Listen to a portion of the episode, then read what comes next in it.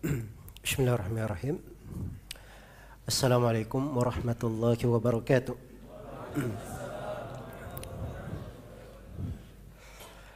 إن الحمد لله نحمده ونستعينه ونستغفره ونعوذ بالله من شرور أنفسنا وسيئات أعمالنا من يهده الله فلا مضل له ومن يضلل فلا هادي له أشهد أن لا إله إلا الله وحده لا شريك له وأشهد أن محمدا عبده ورسوله. يا أيها الذين آمنوا اتقوا الله حق تقاته ولا تموتن إلا وأنتم مسلمون. يا أيها الناس اتقوا ربكم الذي خلقكم من نفس واحدة وخلق منها زوجها وبث منهما رجالا كثيرا ونساء. واتقوا الله الذي تساءلون به والأرحام إن الله كان عليكم رقيبا. يا أيها الذين آمنوا اتقوا الله وقولوا قولا سديدا يصلح لكم أعمالكم ويغفر لكم ذنوبكم ومن يطع الله ورسوله فقد فاز فوزا عظيما أما بعد. فإن أصدق الحديث كتاب الله وخير الهدي هدي محمد صلى الله عليه وسلم وشر الأمور محدثاتها فإن كل محدثة بدعة وكل بدعة ضلالة وكل ضلالة في النار.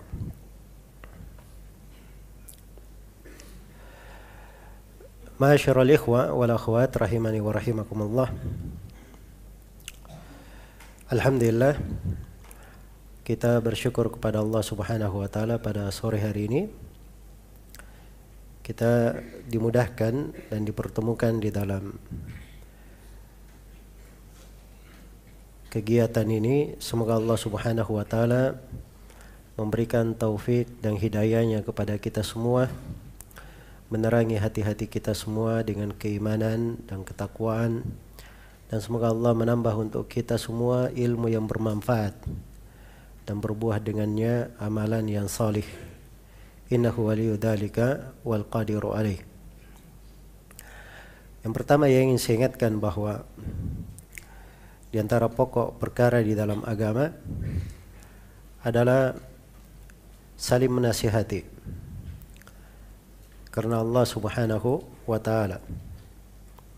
Adanya ketulusan di dalam beragama diriwayatkan oleh Imam Al-Bukhari dan Imam Muslim dari Jarir bin Abdullah Al-Bajali radhiyallahu taala anhu beliau berkata bayatu Rasulullah sallallahu alaihi wasallam ala sam'i wa ta'ah wan nushi likulli muslim. Kata beliau saya membaiat Rasulullah sallallahu alaihi wasallam untuk mendengar dan taat kepada pemimpin dan berlaku nusuh kepada setiap muslim. An-nusuh kalau bahasa Indonesia nasihat itu akar penggunanya dalam bahasa Arab kalau dikatakan nasahtul asal saya menasihati madu artinya madu itu betul-betul dia rapikan dia bersihkan dia jaga dari kemurniannya. Iya. Karena itu kata nasihat kalau bahasa Arab itu lebih luas cakupannya daripada kata nasihat dalam bahasa apa? Bahasa Indonesia. Kalau nasihat dalam bahasa Indonesia ini ada kurang sesuatu dinasihati. Dia keliru dinasihati. Itu bahasa Indonesia. Tapi kalau bahasa Arab lebih daripada itu bisa bermana menasihati bisa bermana berlaku tulus ikhlas dan bisa bermana dia bersungguh-sungguh di dalam hal tersebut. Iya. Maka saling tanasuh itu adalah hal yang penting di tengah umat ini. Dan itu adalah pokok di dalam agama diriwayatkan oleh Imam Muslim dari Tamim bin Aus Ad-Dari radhiyallahu anhu. Beliau berkata bahwa Rasulullah sallallahu alaihi wasallam bersabda Ad-dinun nasiha. Agama itu adalah nasihat. Agama adalah nasihat. Dalam sebuah riwayat beliau ulangi tiga kali. Dan Nabi SAW kadang mengulangi sesuatu tiga kali Untuk menjelaskan pentingnya sesuatu itu Agama itu adalah nasihat Ya, seluruh agama adalah nasihat. Seluruh agama adalah nasihat. Sebab tidak ada suatu bagian dari seorang itu beragama keluar dari kata an-nasihat. Kata nasihat ini. Maka para sahabat ketika mendengarkan sabda Nabi sallallahu alaihi wasallam itu, mereka bertanya, "Qulna liman?" Kami bertanya nasihat untuk siapa? ketulusan untuk siapa? Maka Nabi sallallahu alaihi wasallam menjawab lillahi wa li kitabihi wa li rasulihi wa li a'immatil muslimina wa ammatihim. Kata beliau nasihat ketulusan untuk Allah untuk kitabnya untuk rasulnya dan untuk para pemimpin kaum mukminin, para pemimpin kaum muslimin serta keumuman mereka. Kaum muslimin secara umum. Iya. Maka ini namanya an-nasiha. Nasihat bagi Allah, ketulusan bagi Allah adalah dia beriman kepadanya, menjalankan segala perintahnya, meninggalkan segala yang dilarang, dan dia tegakkan segala ibadah yang mendekatkannya kepada Allah Subhanahu wa taala. Yang semisal dengannya. Nasihat bagi kitab Allah, ketulusan bagi terhadap Al-Qur'an adalah seorang mengimaninya, mempelajarinya, mengamalkan kandungannya, tunduk terhadap ketentuan-ketentuannya, membelanya, menghafalkannya, mengajarkannya, memuliakannya, dan banyak lagi hal yang merupakan ketulusan terhadap kitab Allah Subhanahu wa taala. Kemudian yang ketiga, ketulusan kepada Rasul sallallahu alaihi wasallam. Nasihat terhadap Rasul adalah kita menjalankan segala perintahnya, meninggalkan segala yang beliau larang.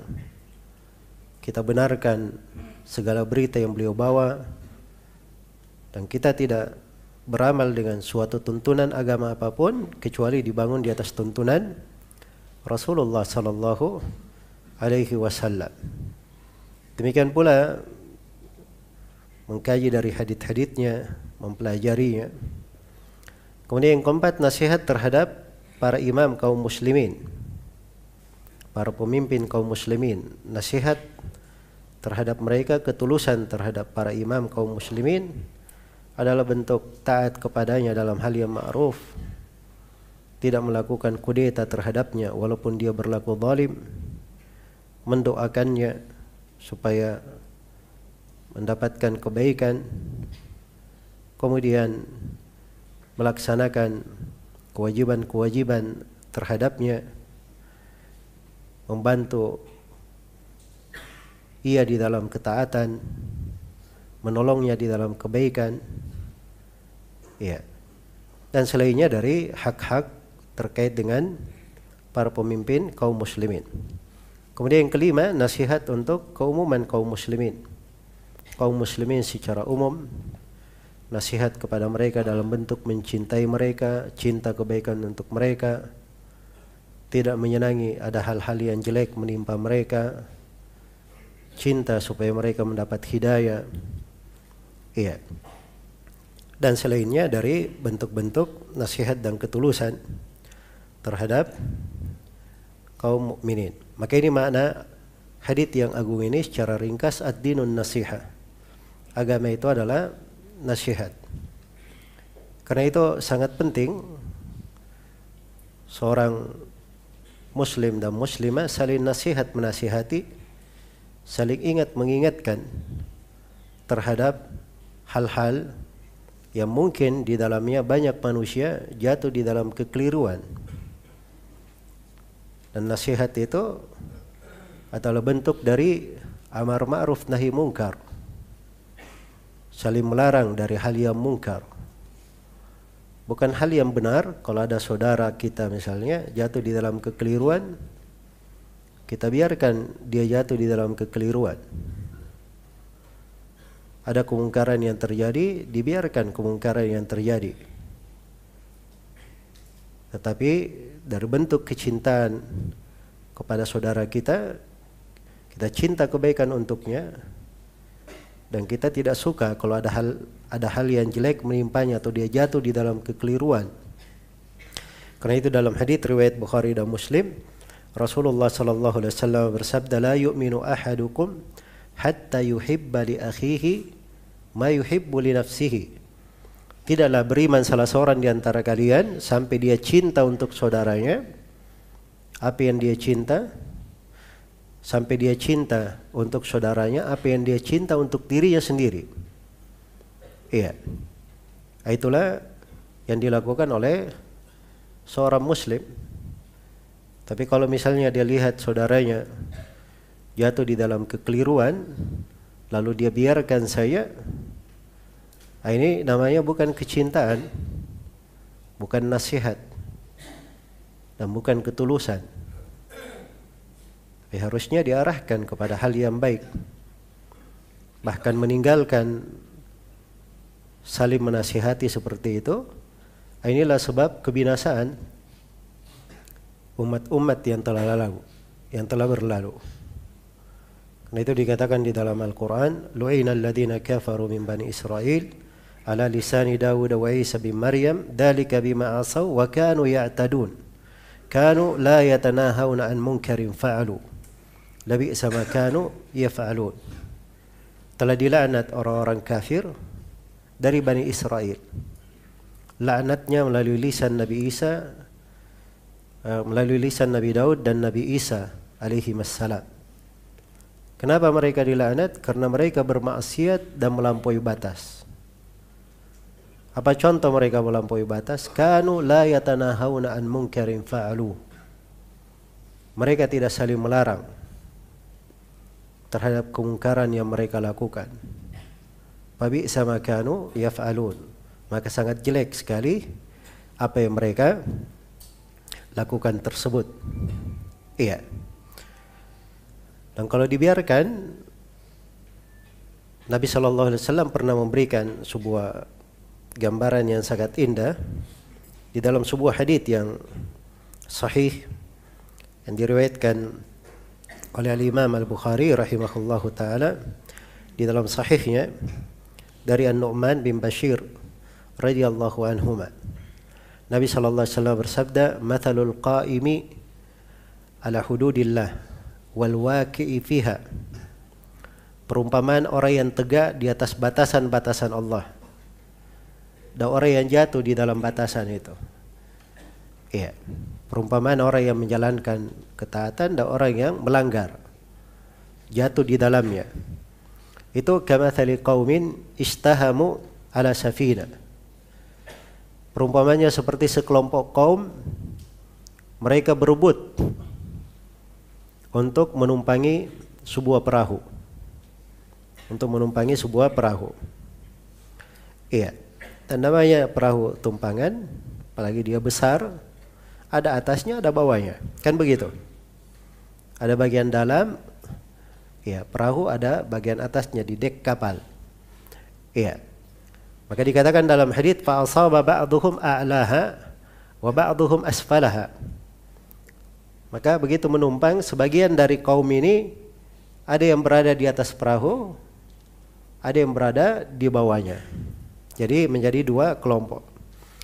Fakana alladhina fi asfaliha idza istaqau minal ma' marru ala man fawqahum.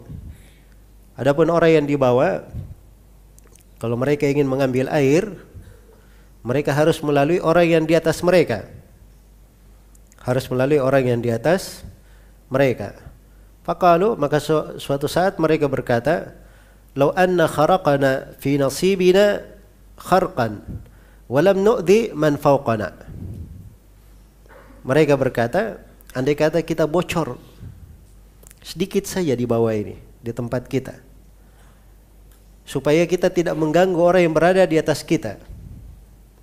Ya Masya Allah, niatnya bagus ya. Ya. Niatnya bagus, kita bocor sedikit saja di bawah.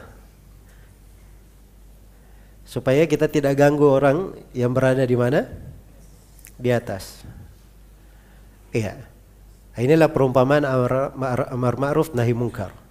Karena itu kata Nabi, "Fayyatrukuhum wa ma aradu halaku jami'an." Kalau mereka biarkan yang di bawah itu padahal niatnya bagus, melakukan apa yang mereka inginkan, maka mereka semuanya akan binasa, perahunya akan tenggelam. Iya. Wa in akhadhu ala aidihim najau wa najau jami'an.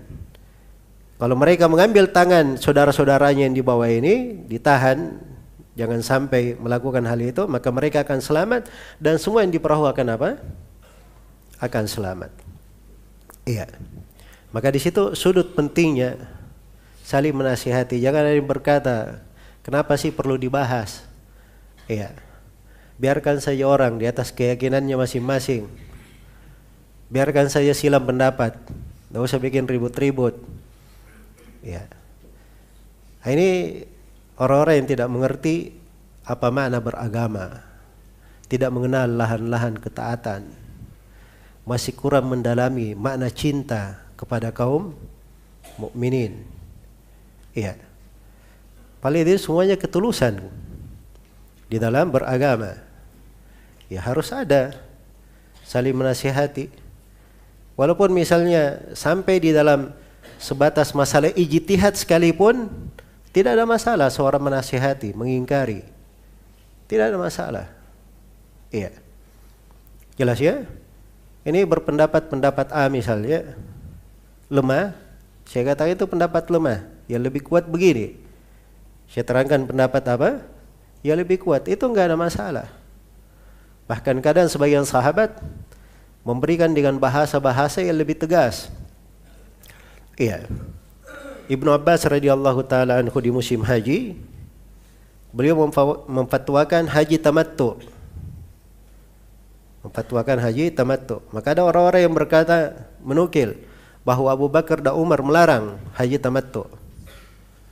Maka Ibnu Abbas berkata yushiku an tanzila alaikum hijaratun minas sama' Aqulu lakum qala Rasulullah sallallahu alaihi wasallam wa taquluna qala Abu Bakar wa Umar.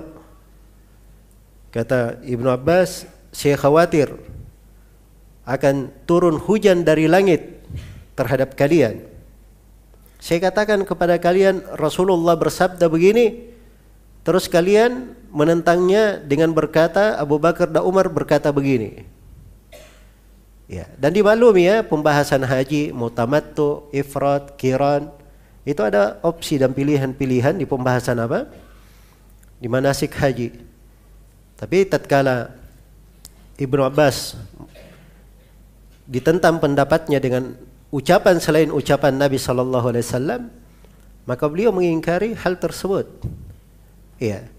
Dan ini juga sebagian orang yang kadang kalau ada diterangkan sebuah masalah yang menerangkan berbeda pendapat dengannya, ya. Dia tidak suka dengan hal tersebut. Tidak suka dengan hal tersebut. Dan ini keliru ya. Kalau dia merasa dirinya benar, tidak perlu khawatir. Ya. Dia periksa saja apa yang dia lakukan. Ada dalilnya dari Al-Quran dan As-Sunnah. Kalau ada dalilnya, ya sudah berarti dia punya tanggung jawab di depan Allah Subhanahu wa taala kan begitu. Tidak perlu khawatir terhadap manusia yang berbicara. Sepanjang dia memiliki dalil dari Al-Quran dan As-Sunnah, ada yang dia bisa pertanggungjawabkan di depan Allah Subhanahu wa Ta'ala. Kenapa dia harus takut? Kenapa dia perlu khawatir? Jelas ya?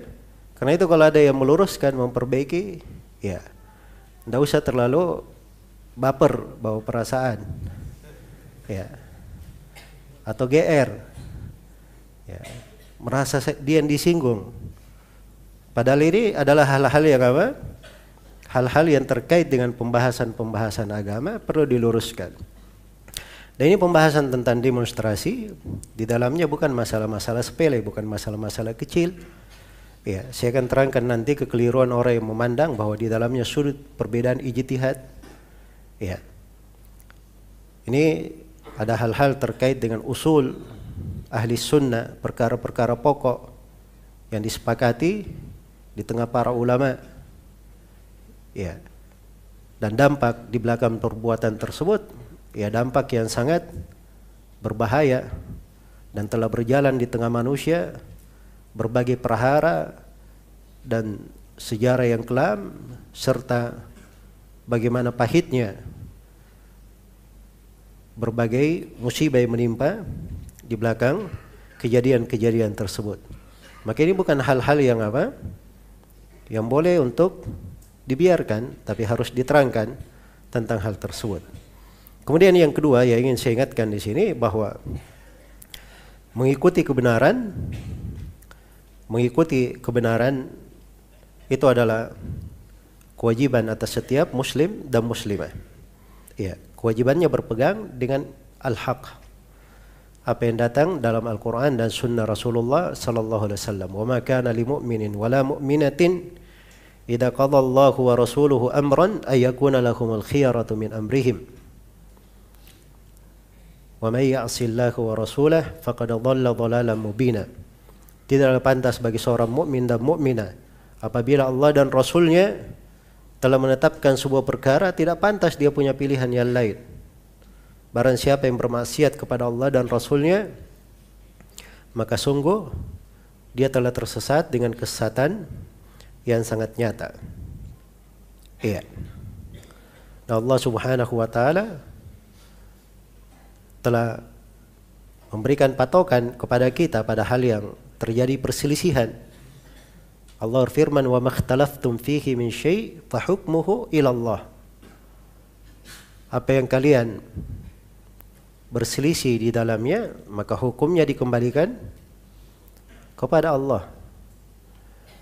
Allah berfirman fa in tanaza'tum fi syai'in farudduhu ila wa Rasul in kuntum tu'minuna billahi wal yawmil akhir dalika khairun wa ahsanu ta'wila apabila kalian berselisih pada suatu apa pun kembalikan kepada Allah dan Rasulnya. Kalau memang kalian beriman kepada Allah dan hari akhirat itulah yang terbaik. Dan sebaik-baik apa namanya akibat yang akan terjadi kesudahan yang akan menjadi kenyataan. Iya. Maka pada hal yang seorang itu berselisih dikembalikan kepada Al-Quran dan Sunnah Rasulullah Sallallahu Alaihi Wasallam. Dan alhamdulillah kebenaran itu selalu jelas. Kebenaran itu selalu jelas. Jalannya Nabi Sallallahu Alaihi Wasallam terang.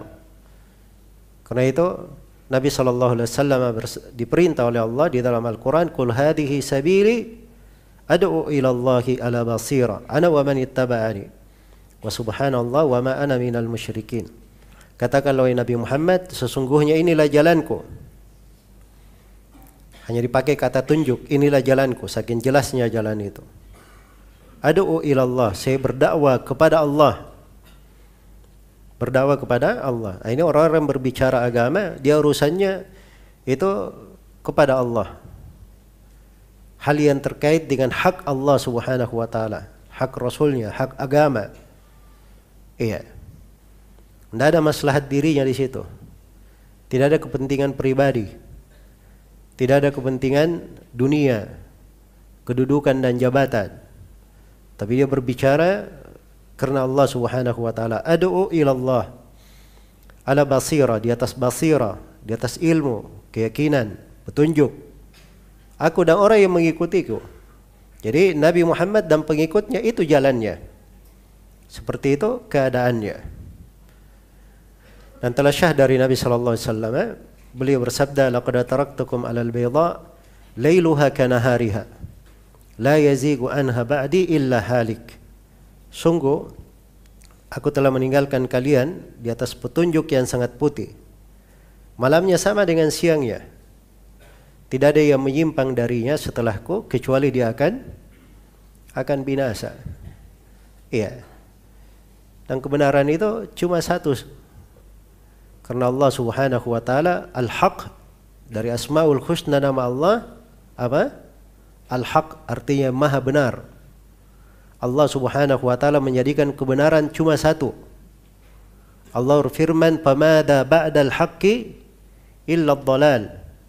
Tidak ada setelah kebenaran kecuali kesesatan. Hanya dibuat begitu oleh Allah. Hanya ada kebenaran, selain dari kebenaran adalah apa? Adalah kesesatan. Iya. Adalah kesesatan. Tapi di antara manusia ada yang keluar dari jalan tersebut. Ada yang tidak berpegang dengan kebenaran ini. Karena itu kewajiban kita semua untuk menghormati dari dalil-dalil Al-Quran dan Sunnah Rasulullah Sallallahu Alaihi Wasallam.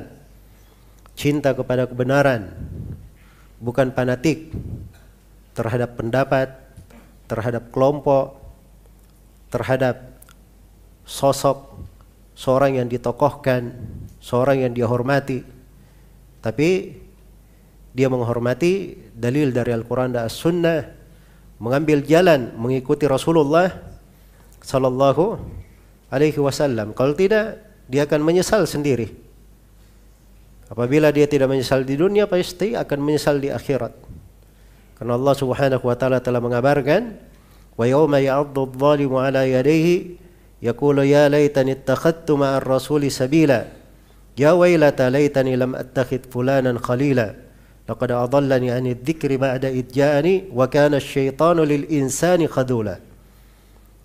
Hari kiamat itu hari ketika seorang yang zalim menggigit kedua tangannya. Jadi saking dahsyatnya kesedihan dan penyesalan pada hari itu, bukan dia gigit kukunya atau jarinya. Ini dua tangannya masuk ke mulutnya pada hari kiamat. Dia berkata, "Ya laitani, wahai andai kata saya dulu telah mengambil jalan mengikuti Ar-Rasul." Dia baru menyesal. Ya wailata betapa celakanya saya. Laitani lam attakhid fulanan khalila. Andai kata saya tidak menjadikan si fulan ini sebagai kecintaanku. Iya. Yang mengikuti selain Ar-Rasul tidak akan membawa keberuntungan untuk dia pada hari kiamat. Iya.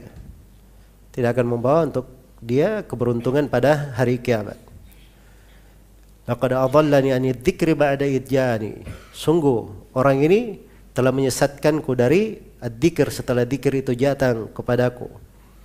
Dan syaitan betul-betul banyak berbuat khianat ya kepada manusia. Baik. Maka kewajiban di dalam mengikuti kebenaran dan jangan tertipu dengan banyaknya orang yang keluar dari kebenaran tersebut. Karena kebenaran tidak diukur dengan apa? Dengan kebanyakan. Ukuran kebenaran adalah dalil dari Al-Quran dan Sunnah Rasulullah Sallallahu Alaihi Wasallam. Adapun mengukur kebenaran dengan banyaknya manusia yang mengikutinya, itu bukan jalannya umat Islam. Bukan jalannya umat Islam. Karena itu kalau kita perhatikan ayat-ayat Al-Quran, malah penggunaan kebanyakan itu, ya banyak-banyak datang dalam bentuk apa? Celaan. Misalnya walakin aktaran nasi la ya'lamun, tetapi kebanyakan manusia tidak mengetahui. Iya. Kebanyakan tidak mengetahui. Berarti yang mengetahui cuma sedikit. Walakin aktsaran nasi la yashkurun. Tapi kebanyakan manusia tidak bersyukur. Di ayat yang lain wa qalilun min ibadiyas syakur. Sangat sedikit di antara hamba-hambaku yang bersyukur. Yang bersyukur sudah sedikit. Kebanyakan manusia tidak bersyukur. Ya. Wa ma aktsarun nasi walau harasta bimu'minin. Manusia tidak akan menjadi banyak walaupun kamu semangat mereka itu beriman. Walakin aktsarun nasi la yu'minun. Tapi kebanyakan manusia tidak beriman. Fa aba aktsarun nasi illa kufura. Kebanyakan manusia tidak menghendaki kecuali kekafiran. Wa in tuti aktsara man fil ardi yudilluka an sabilillah. Kalau kamu taati kebanyakan manusia yang berada di atas muka bumi, mereka akan menyesatkan kamu dari jalan Allah Subhanahu wa taala.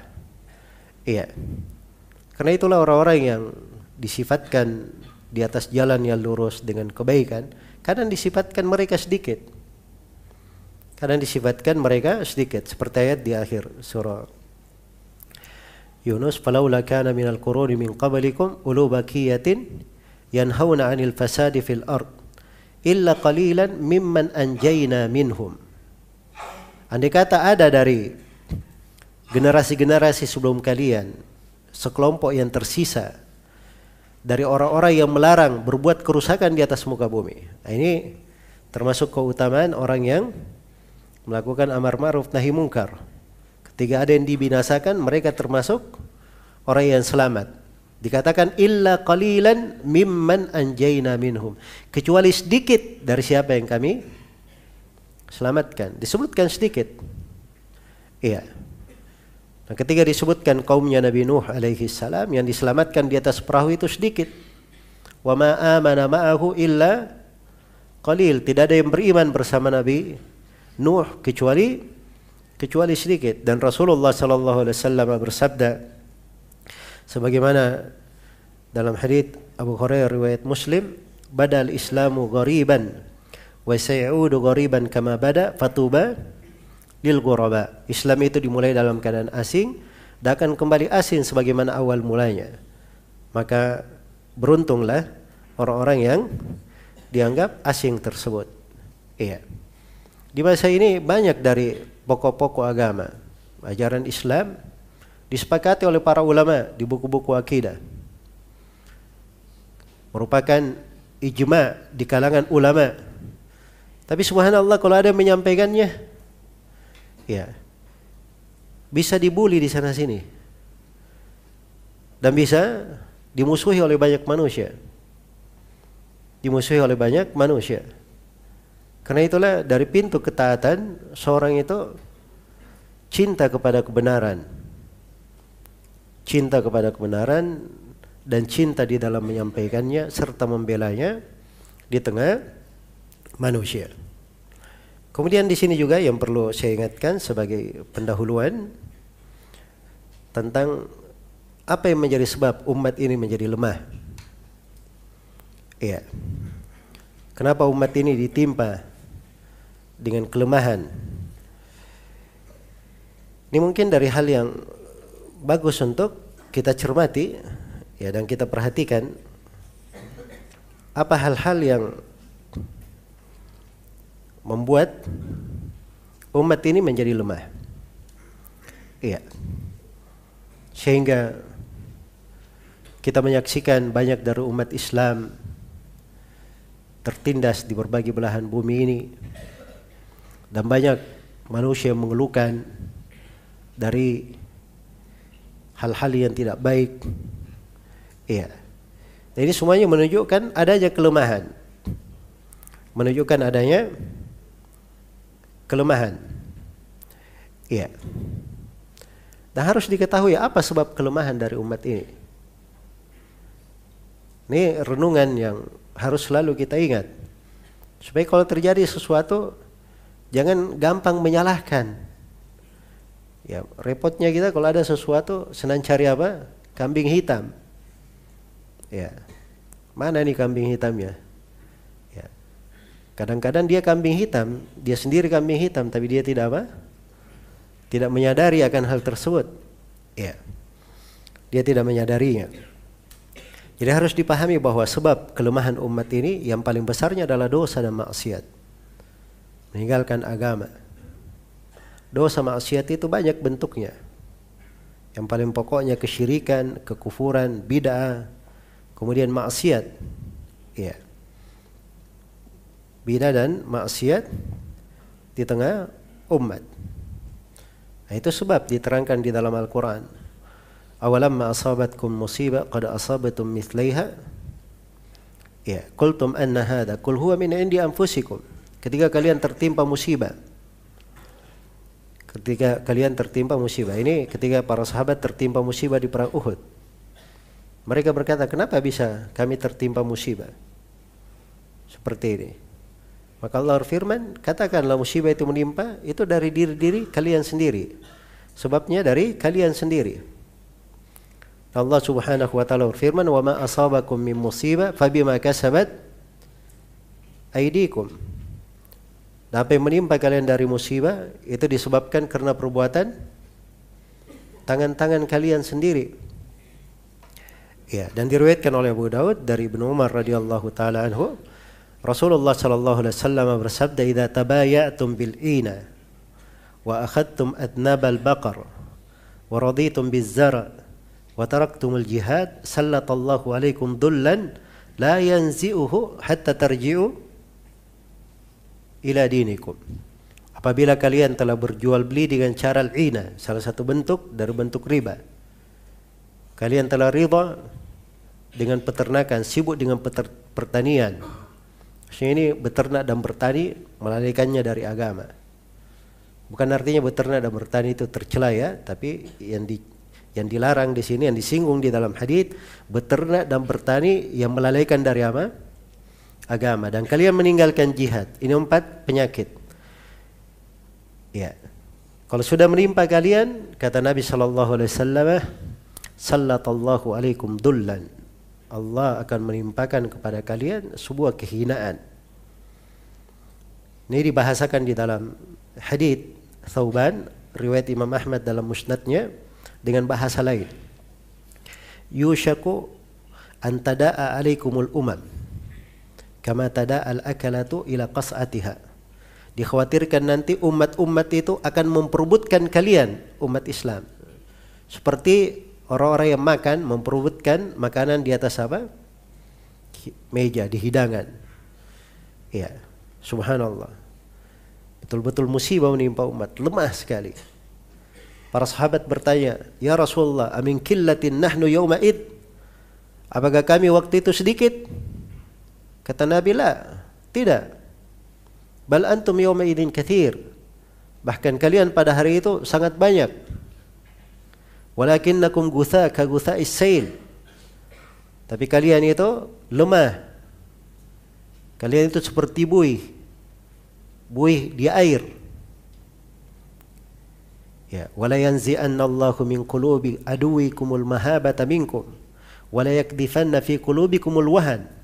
Sungguh Allah akan mencabut rasa wibawa terhadap kalian, dicabut dari hati-hati musuh-musuh kalian. Ya, kalau dulu umat Islam itu punya wibawa. Nabi satu bulan kalau sudah mengumumkan akan pergi wilayah tertentu untuk berperang, sebelum sebulan sebelum nyampe ke sana musuh itu sudah takut. Ya. Makanya akan dicabut dari hati-hati musuh kalian. Dan sungguh Allah akan melemparkan ke hati kalian sendiri penyakit alwahan. Apa itu alwahan? Nabi menjawab hubbud dunia wa karahiyatul maut, cinta dunia dan takut mati. Itu sama dengan empat penyakit dalam hadis Ibnu Umar. Cuman di hadis Ibnu Umar diterangkan solusinya. Iya. La yanzi'uhu. Kehinaan ini tidak akan diangkat dari kalian hatta tarji'u ila dinikum. Sampai kalian kembali kepada agama kalian. Ya. Maka solusi yang dihadapi oleh umat dari berbagai hal yang mendera mereka dari kekurangan dan seterusnya.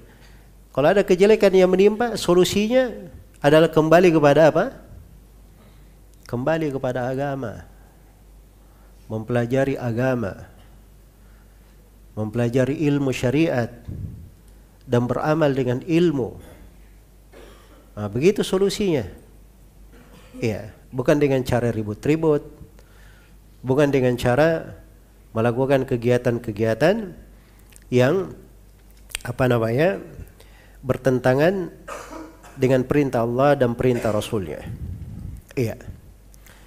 Maka di sini ada sebagian manusia yang kadang menyangka bahwa sebab kelemahan umat ini disebabkan karena umat Islam itu sedikit. Iya. Maka caranya karena umat ini apa namanya sedikit maka harus disatu padukan semuanya dikumpul dan dijalin persatuan dan kebersamaannya ya kita semua tidak ada mengingkari ya bersatu Ya. Antara umat Islam itu adalah hal yang bagus dan semua dari kita berupaya untuk hal tersebut. Tapi persatuan bermana mencampur aduk antara yang hak dan yang batil, mencampur aduk antara perkara yang merupakan sunnah dan bid'ah, ya. Apalagi bikin kaidah-kaidah sendiri, nata'awanu fi mattafaqna alaih wa na'tadiru ba'duna ba'dan fi makhtalafna fih. Kita tolong menolong di dalam hal yang kita sepakati ya dan saling memaafkan, saling memberi udur pada apa yang kita berselisih padanya. Jadi kalau kamu menyembah kuburan ya kita apa namanya tolong menolong pada hal yang kita sepakati saja. Ya, saling memaafkan pada hal yang kita apa? berselisih. Ya, dan ini kaidah batil. Ditulis oleh para ulama berbagi buku menjelaskan batilnya kaidah ini. Jelas ya? Batilnya kaidah ini. Ada sebagian sudut yang benar pada hal-hal tertentu. Ya, pada perkara-perkara tertentu. Itu ada rinciannya. Baik. Karena itu sedikitnya umat ini itu bukan bukanlah sebab kelemahan. Yang sedikit itu kalau dia berkualitas nah itu akan menjadi apa? Menjadi hebat. Ya. Umat ini awal-awalnya mereka sedikit tapi bisa mengalahkan banyak dari musuh, bisa memimpin. Bahkan telah ada di dalam sejarah malah ketiga umat mereka banyak dikala mereka banyak tertimpa kekalahan seperti di perang apa? Di perang Hunain. Wa yauma Hunainin id ajabatkum kathratukum. Ya. Dan di perang Hunain ketika banyak kalian itu membuat kalian kagum. Falam tuguni ankum syai'a. Maka banyaknya kalian itu tidak memberi manfaat pada kalian. Kalah mereka di perang Hunain. Ya, subhanallah. Jadi banyak ini itu bukan dikatakan sebagai sebab kelemahan di tengah umat. Iya. Maka ini harus diperbaiki. Ada lagi yang meyakini bahwa sebab kelemahan di tengah umat karena meninggalkan jihad dengan berperang. Iya. Jadi solusi bagi mereka perang, perang, perang dan pertumpahan darah. Nah, ini sebagian manusia seperti itu. Akhirnya dia mengajak untuk selalu jihad, mengumandangkan peperangan walaupun di negeri yang aman, melakukan peledakan, pengeboman, ya, dan tidak mengerti bahwa jihad itu ada ketentuan-ketentuannya, ada syarat-syaratnya. Ya, tidak berlaku sedemikian mudahnya. Baik. Dan di antara mereka ada yang meyakini bahwa sebab kelemahan umat ini adalah karena pemimpinnya. Nah, ini makanya karena pemimpin tidak beres, ya yang diributkan bagaimana caranya mengganti pemimpin. Bagaimana caranya mengganti pemimpin. Ini saya berbicara apa namanya masalah agama ya. Saya bukan politikus. Ya. Saya tidak ada urusannya dengan ganti pemimpin, tidak ganti itu ada urusan saya dengan apa yang biasa dibahas di hari-hari ini. Saya mengingatkan kesalahan, ya, bahwa sebab kelemahan itu itu jangan selalu digantung kepada pemimpin. Ya. Harusnya kita banyak berpikir kepada diri-diri kita sendiri. Bukankah di dalam Al-Quran Allah subhanahu wa ta'ala berfirman Inna Allah la yughayyiru ma biqawmin hatta yughayyiru ma bi anfusihim. Allah tidak mengubah keadaan satu kaum sampai kaum ini sendiri yang merubah apa? Mengubah keadaannya. Itu at-taghyir dalam bahasa Arab tagir itu asal penggunanya tadinya dia bagus berubah menjadi jelek. Nah, itu makna ayat ya. Jadi kaum yang tadinya dia baik tidaklah kebaikan mereka ini berubah menjadi jelek kecuali mereka sendiri yang melakukannya. Mereka yang berbuat dosa, berbuat maksiat sehingga berubah menjadi apa? Menjadi jelek. Nah, dipetik dari ayat pemahaman kebalikan. Kalau dari jelek ingin berubah menjadi baik, caranya apa? ya dia merubah diri sendiri juga sama dia harus meninggalkan dari dosa dan maksiat yang dia lakukan dia menuju kepada hal-hal yang apa hal-hal yang bagus maka itu perbaikannya kepada diri sendiri iya Jangan banyak menyalahkan orang lain. Ya. Ini berlaku zalim, berlaku tidak adil. Mungkin saja kita ini karena banyak dosa-dosa kita, banyak kezaliman di tengah kita, akhirnya yang muncul di tengah kita orang-orang zalim juga. Kalau memang benar itu zalim ya. Kan di dalam Al-Qur'an dikatakan wa kadzalika nuwalli ba'dadh-dhalimina ba'dhan bima kanu yaksibun.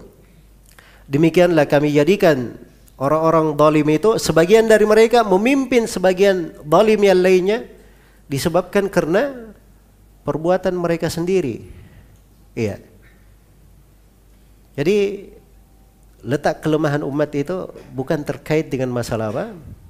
Bukan selalu digantungkan pada masalah pemimpinnya.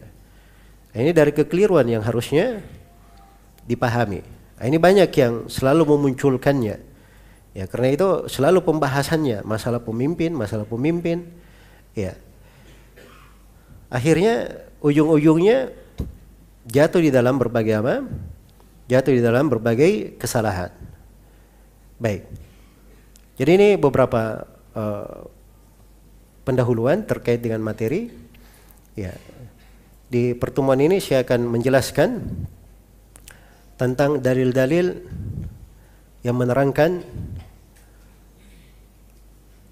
akan masalah demonstrasi ini dan bagaimana dalil-dalil syariat tegas di dalam menerangkan akan keharamannya. Kemudian setelah itu saya akan bahas syubhat-syubhat kerancuan-kerancuan pemikiran yang biasa disebarkan atau diperdengarkan di hari-hari ini tentang orang-orang yang membolehkan terjadinya demonstrasi. Baik, saya akan masuk membahas terkait dengan inti dari pertemuan kita di pengajian kali ini tentang bolehkah melakukan demonstrasi. Iya. Pertama, kalau terkait dengan masalah menjelaskan hukum akan suatu masalah apa saja dari perkara agama, maka hal yang akan diterangkan itu harus dipahami bagaimana bentuknya. Karena sebagian kalimat kadang dia berlaku umum atau kalimatnya singkat tapi banyak cakupan yang terkandung di dalamnya atau banyak hal yang diinginkan di dalam penggunaan kalimat-kalimat tersebut. Baik. Kata demonstrasi ya semua memaklumi ya apa yang dimaksud dengan demonstrasi. Hanya saja demonstrasi itu dari apa yang dilakukan oleh manusia mereka anggap ada berbagai bentuk. Ada demonstrasi yang mereka lakukan dan mereka inginkan di dalamnya perkara-perkara yang terkait dengan syariat, terkait dengan agama. Dan ada demonstrasi yang dilakukan dan mereka maksudkan di dalamnya adalah perkara-perkara dunia. Perkara-perkara dunia. Iya. Karena itulah sebagian orang yang mengatakan demonstrasi itu adalah boleh, itu adalah wasilah dari wasilah uh, yang diperbolehkan. Ini adalah kalimat yang sangat tidak tepat sekali di dalam menggunakannya karena maksud di dalam mengadakan demonstrasi demonstrasi itu sendiri beraneka ragam. Ya, dan di belakang perbuatan demonstrasi itu sendiri ada berbagai uh, pembahasan di dalam syariat kita. Misalnya kalau seorang melakukan demonstrasi dengan maksud menjatuhkan pemerintah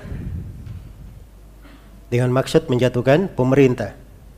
Nah, ini tujuan dunia, maksudnya menjatuhkan pemerintah. Dan kadang dia jatuhkan pemerintah dengan keyakinan. dengan keyakinan. Nah, di sini berbeda hukum antara dua hal. Kalau ada yang menjatuhkan pemerintah dengan keyakinan, itu pembahasannya pembahasan kaum khawarij. Kaum khawarij. Tapi kalau dia menjatuhkan pemerintah dengan karena maksud dunia, maka ini masuk di dalam pembahasan ahlul bugah. Orang-orang yang melampaui batas. Orang-orang yang melampaui batas. Iya. Pada kesemuanya itu oleh pemerintah boleh untuk diperangi. Tapi ini hukum terkait dengan siapa? Terkait dengan pemerintah.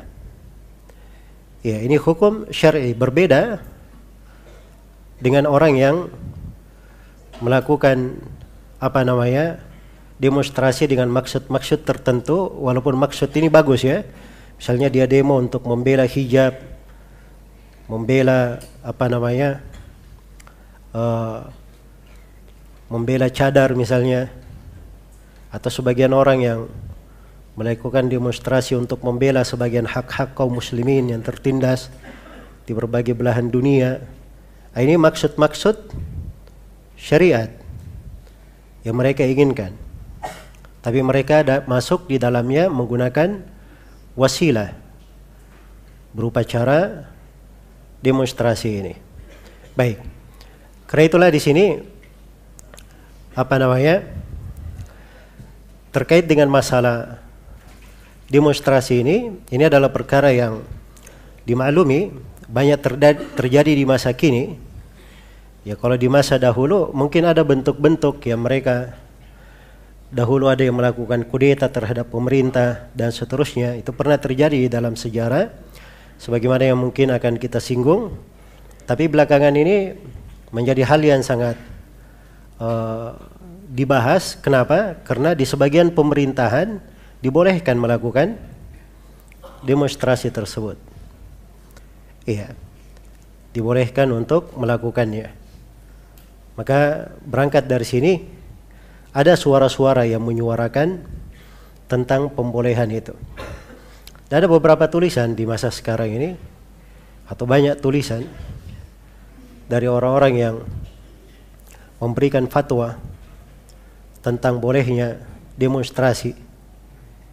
Ada yang membentuk sebuah lajnah tersendiri kemudian menyusun fatwa tentang pembolehan. Ada yang menulis buku tersendiri tentang pembolehan.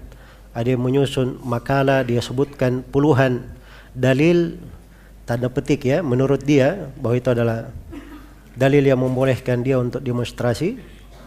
Iya jadi saya saya paparkan ya bahwa ada orang-orang yang menulis di dalam hal tersebut Iya. Tapi kalau kita lihat kepada para ulama yang berpegang dengan sunnah dari ahlul haq orang-orang yang apa namanya uh, betul-betul mumpuni di dalam syariat mereka tidak mengeluarkan fatwa-fatwa yang seperti itu iya. Bahkan subhanallah dari ciri ahli sunnah itu, ciri ahli hadith disebutkan oleh Imam Abdul Mudaffar As-Sam'ani rahimahullahu taala bahwa ciri mereka itu mereka itu selalu bersepakat di dalam manhaj mereka.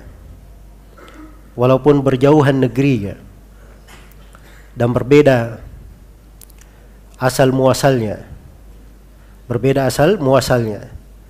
Tetapi mereka selalu bersepakat ya di atas satu pendapat khususnya terkait dengan masalah-masalah yang merupakan pokok agama perkara-perkara yang disepakati oleh para ulama. Iya karena itu didapatkan Kata Sam'ani rahimahullahu taala Kata beliau saya dapati mereka dalam menjelaskan keyakinan itu di atas satu jalan. Dan mereka menempuh ya suatu jalan yang mereka tidak berpaling darinya, tidak menyimpang darinya. dan pendapat mereka di dalam hal itu satu, penukilan mereka satu. Iya. Engkau tidak akan melihat di tengah mereka ada perselisihan, perpecahan, walaupun di dalam hal yang sedikit. Bahkan kalau engkau kumpulkan seluruh apa yang keluar dari lisan mereka dan dinukil dari para as-salaf mereka seakan-akan datang di atas satu hati, berjalan di atas satu lisan dan itulah tanda kebenaran.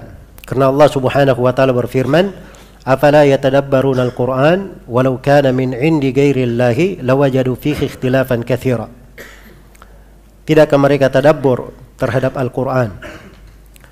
Andai kata datangnya dari selain Allah, maka mereka akan temukan di dalamnya perselisihan yang sangat banyak. Iya. Jadi ciri kebenaran tidak ada perselisihan di dalam hal tersebut. Dan Allah Subhanahu wa taala berfirman wa'tasimu bihablillahi jami'an wa la tafarraqu. Berpegang teguhlah kalian semua di atas tali Allah dan jangan kalian bercerai-berai. Iya. Dan subhanallah kita ketemukan fatwa-fatwa para ulama kita di masa kini itu semuanya sepakat terkait dengan masalah tidak bolehnya masuk di dalam fitnah yang seperti ini. Iya. Walaupun negeri mereka beraneka ragam, tapi diketemukan apa yang mereka ucapkan terkait dengan haramnya demonstrasi itu adalah hal yang sama. Baik. Kalaupun ada yang berucap selain daripada itu, misalnya ada yang membolehkan dan seterusnya seperti tulisan-tulisan itu tadi, ini tulisan-tulisan yang diketemukan keluar dari jalur yang benar keluar dari kaidah-kaidah syariat dan kita akan terangkan insyaallah taala bagaimana kelemahan-kelemahan di dalam pendalilan-pendalilan tersebut. Baik. Iya. Sekarang saya akan jelaskan dulu beberapa kerusakan yang tampak dari demonstrasi ini sehingga hal tersebut menjadi hal yang di diharamkan oleh para ulama. Iya.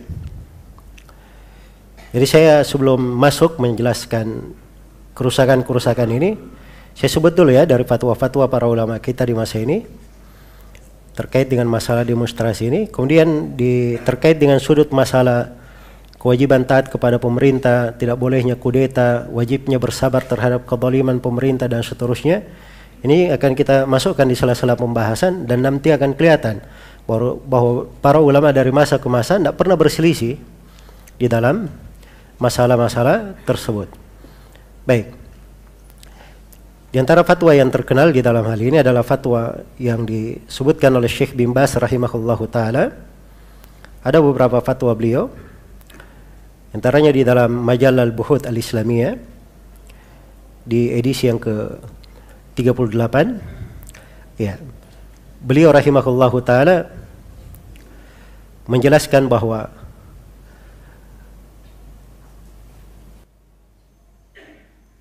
Iya. Uslub yang bagus itu adalah wasilah yang paling baik agar supaya kebenaran diterima.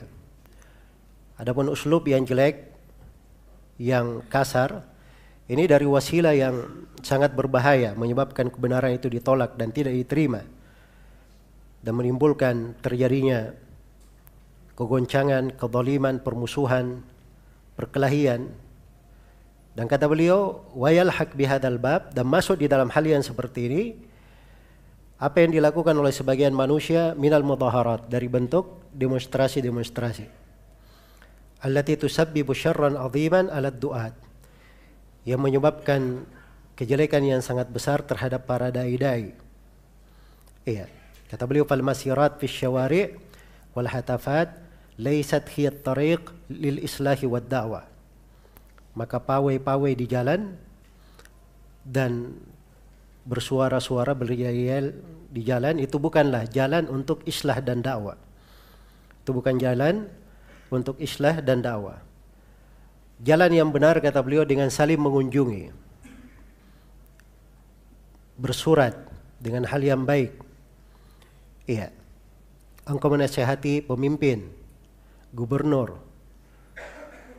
atau syekh kabila dengan cara tersebut dengan cara yang baik itu bukan dengan kasar dan melakukan demonstrasi. Nabi Shallallahu Alaihi Wasallam beliau 13 tahun di Mekah tidak pernah menggunakan demonstrasi, tidak pula menggunakan pawai.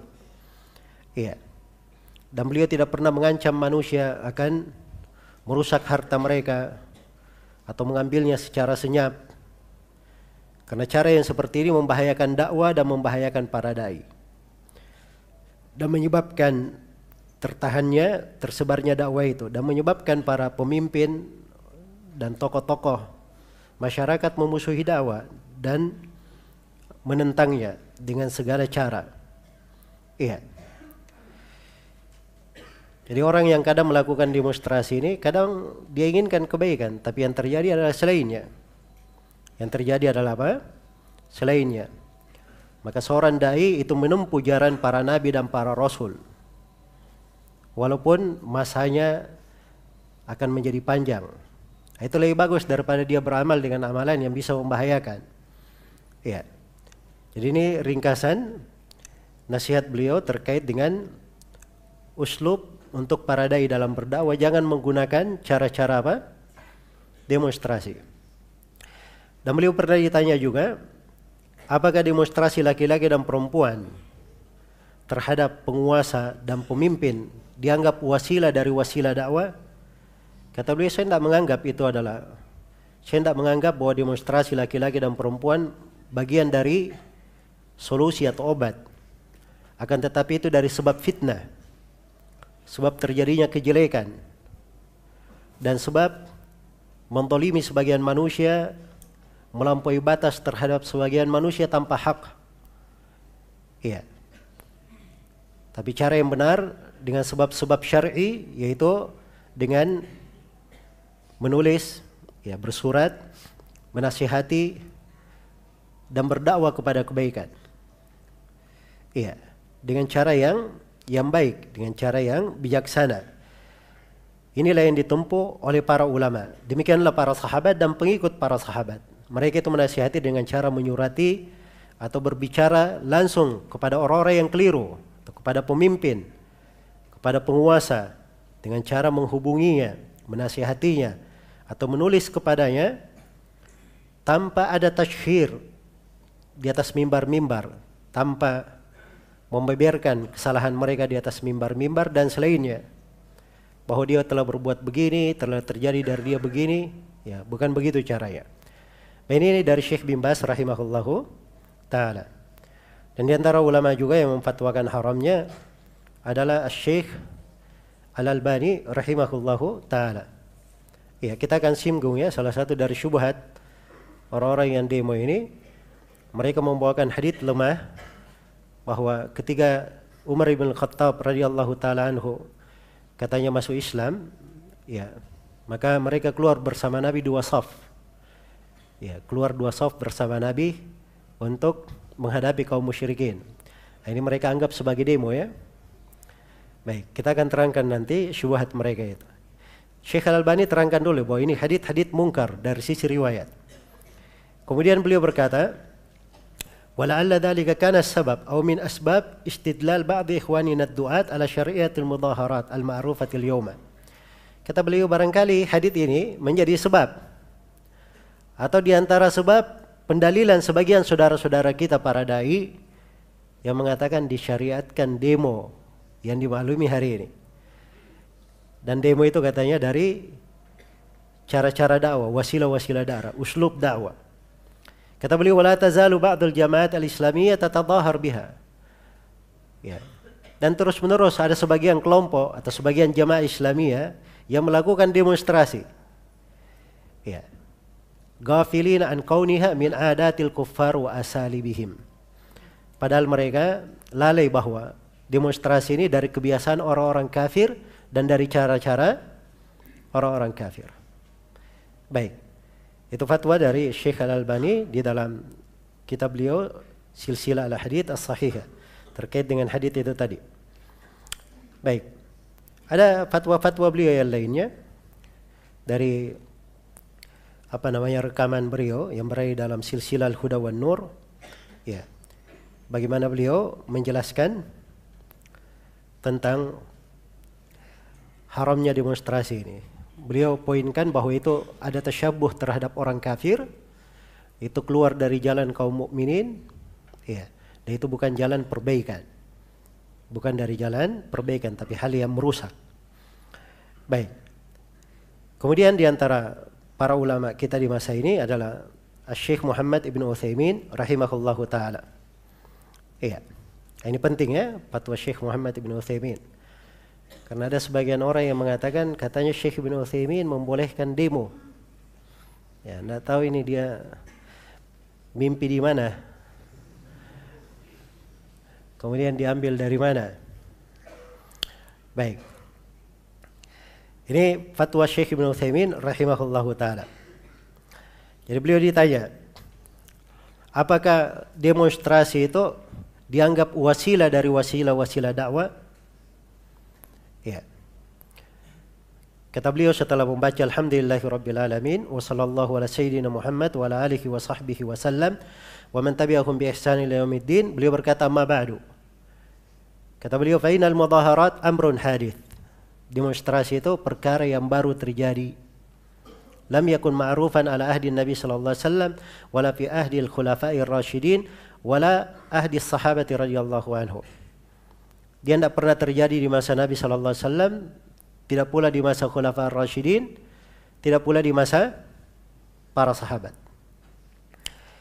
Kemudian kata beliau dan juga di dalam demonstrasi ini terdapat dari fawdha, kekacauan, wasyagab, ribut-ribut. Ya. Sehingga menjadikan demonstrasi ini perkara yang dilarang. Apalagi kalau terdapat di dalamnya memecahkan kaca-kaca pintu-pintu dan selainnya. Dan terdapat juga di dalamnya campur baur laki-laki dan perempuan. Ya. Orang-orang muda dengan orang-orang tua.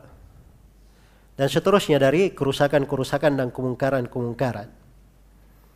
Kemudian kata beliau, adapun menekan pemerintah, ini beliau bahasakan ya, adapun menekan pemerintah, kalau pemerintahnya adalah pemerintah Muslim, maka cukup dinasihati dengan kitab Allah dan sunnah Rasulullah Sallallahu Alaihi Wasallam.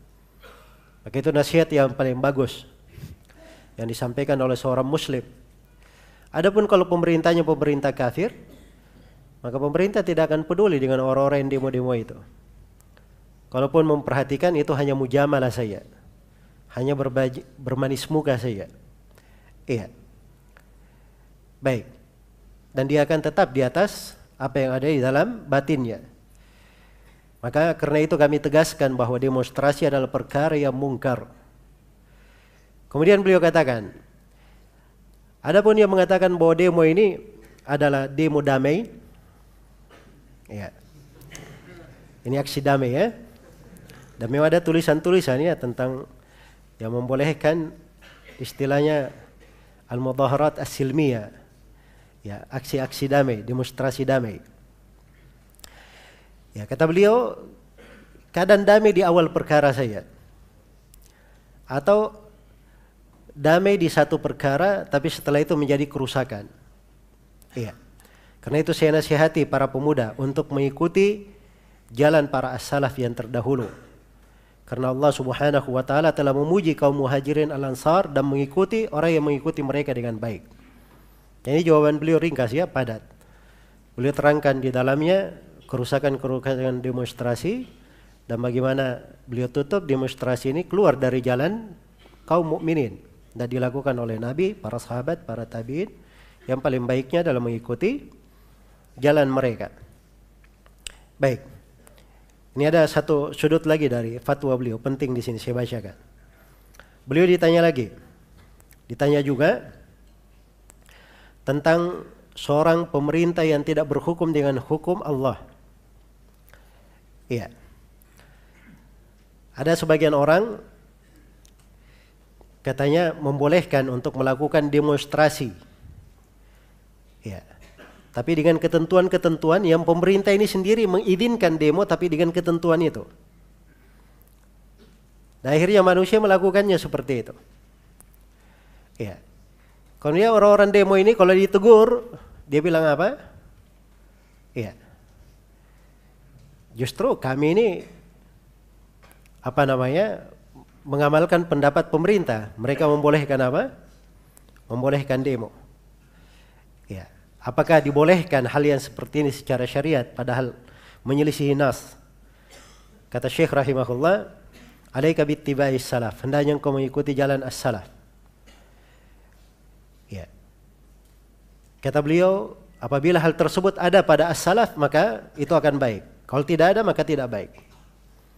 Kemudian kata beliau wala syakka mudaharat syar dan tidak diragukan bahwa demonstrasi itu adalah apa? kejelekan. Liannaha tuaddi ila al-fawda. Karena akan mengantar kepada kekacauan dari orang-orang yang demo dan selainnya. Warubbama yahsul fiha i'tida dan kadang terjadi di dalamnya tindakan melampaui batas. Apakah terhadap kehormatan, terhadap harta, ataupun terhadap badan. Iya. Dan karena manusia apabila masuk di dalam gelombang kekacauan ini, kadang dia seperti orang yang mabuk. Tidak tahu apa yang dia ucapkan, tidak tahu apa yang dia dia lakukan. Yang namanya pergerakan massa siapa yang bisa atur kan begitu? Siapa yang bisa mengukur? Iya. Maka kata beliau fal mudaharat kulluha syarr sawa'un adina fiha al-hakim aw lam ya'dan. Maka seluruh demonstrasi itu adalah kejelekan. Walaupun diizinkan oleh pemerintah, apakah diizinkan oleh pemerintah atau tidak diizinkan, semuanya kejelekan. Nah, ini tegas ya. Dari beliau rahimahullahu taala sampai akhir fatwa beliau di dalam hal ini. Baik. Kemudian fatwa-fatwa para ulama di masa ini banyak sekali ya. Saya tidak bisa baca semuanya. Ya. Ada fatwa dari Syekh Mukbil juga di dalam kitab beliau Lilhat Al-Khuwaini fi Al-Khumaini fi Ardil Haramain. Juga ada fatwa dari Syekh Abdul Muhsin Al-Abbad. Ya, hafizahullah taala. Beliau ditanya tentang masalah orang yang demo karena kenaikan harga. Ya, apabila hal tersebut terjadi kezaliman, maka beliau katakan mislah hadhil amal hiya minas safa. Amalan-amalan seperti ini itu dihitung dari kebodohan, kedunguan kata beliau. Ini perkara-perkara yang tidak dikenal dalam agama. Wa inna ma hiya minal umur allati istajaddat wa talaqqaha al-muslimun minal kuffar dari perkara-perkara yang berkembang dan diambil oleh kaum muslimin dari kebiasaan orang-orang kafir. Demikian pula mufti Saudi Arabia yang sekarang ini, guru kami Syekh Abdul Aziz Al Syekh, ya, bahkan telah keluar fatwa khusus dari Lajna uh, Hayat Kibarul Ulama tentang hal tersebut. Dan ada fatwa khusus juga dari Lajna Daimah, ya, yang di dalamnya ada uh, Syekh Saleh Al-Fauzan, Syekh Bakar Abu Zaid, Syekh Abdullah bin Al-Gudayyan. Ya. Rahimahumullahu ta, uh, rahimahumullahu taala al-amwat minhum wa hafidha al-ahya.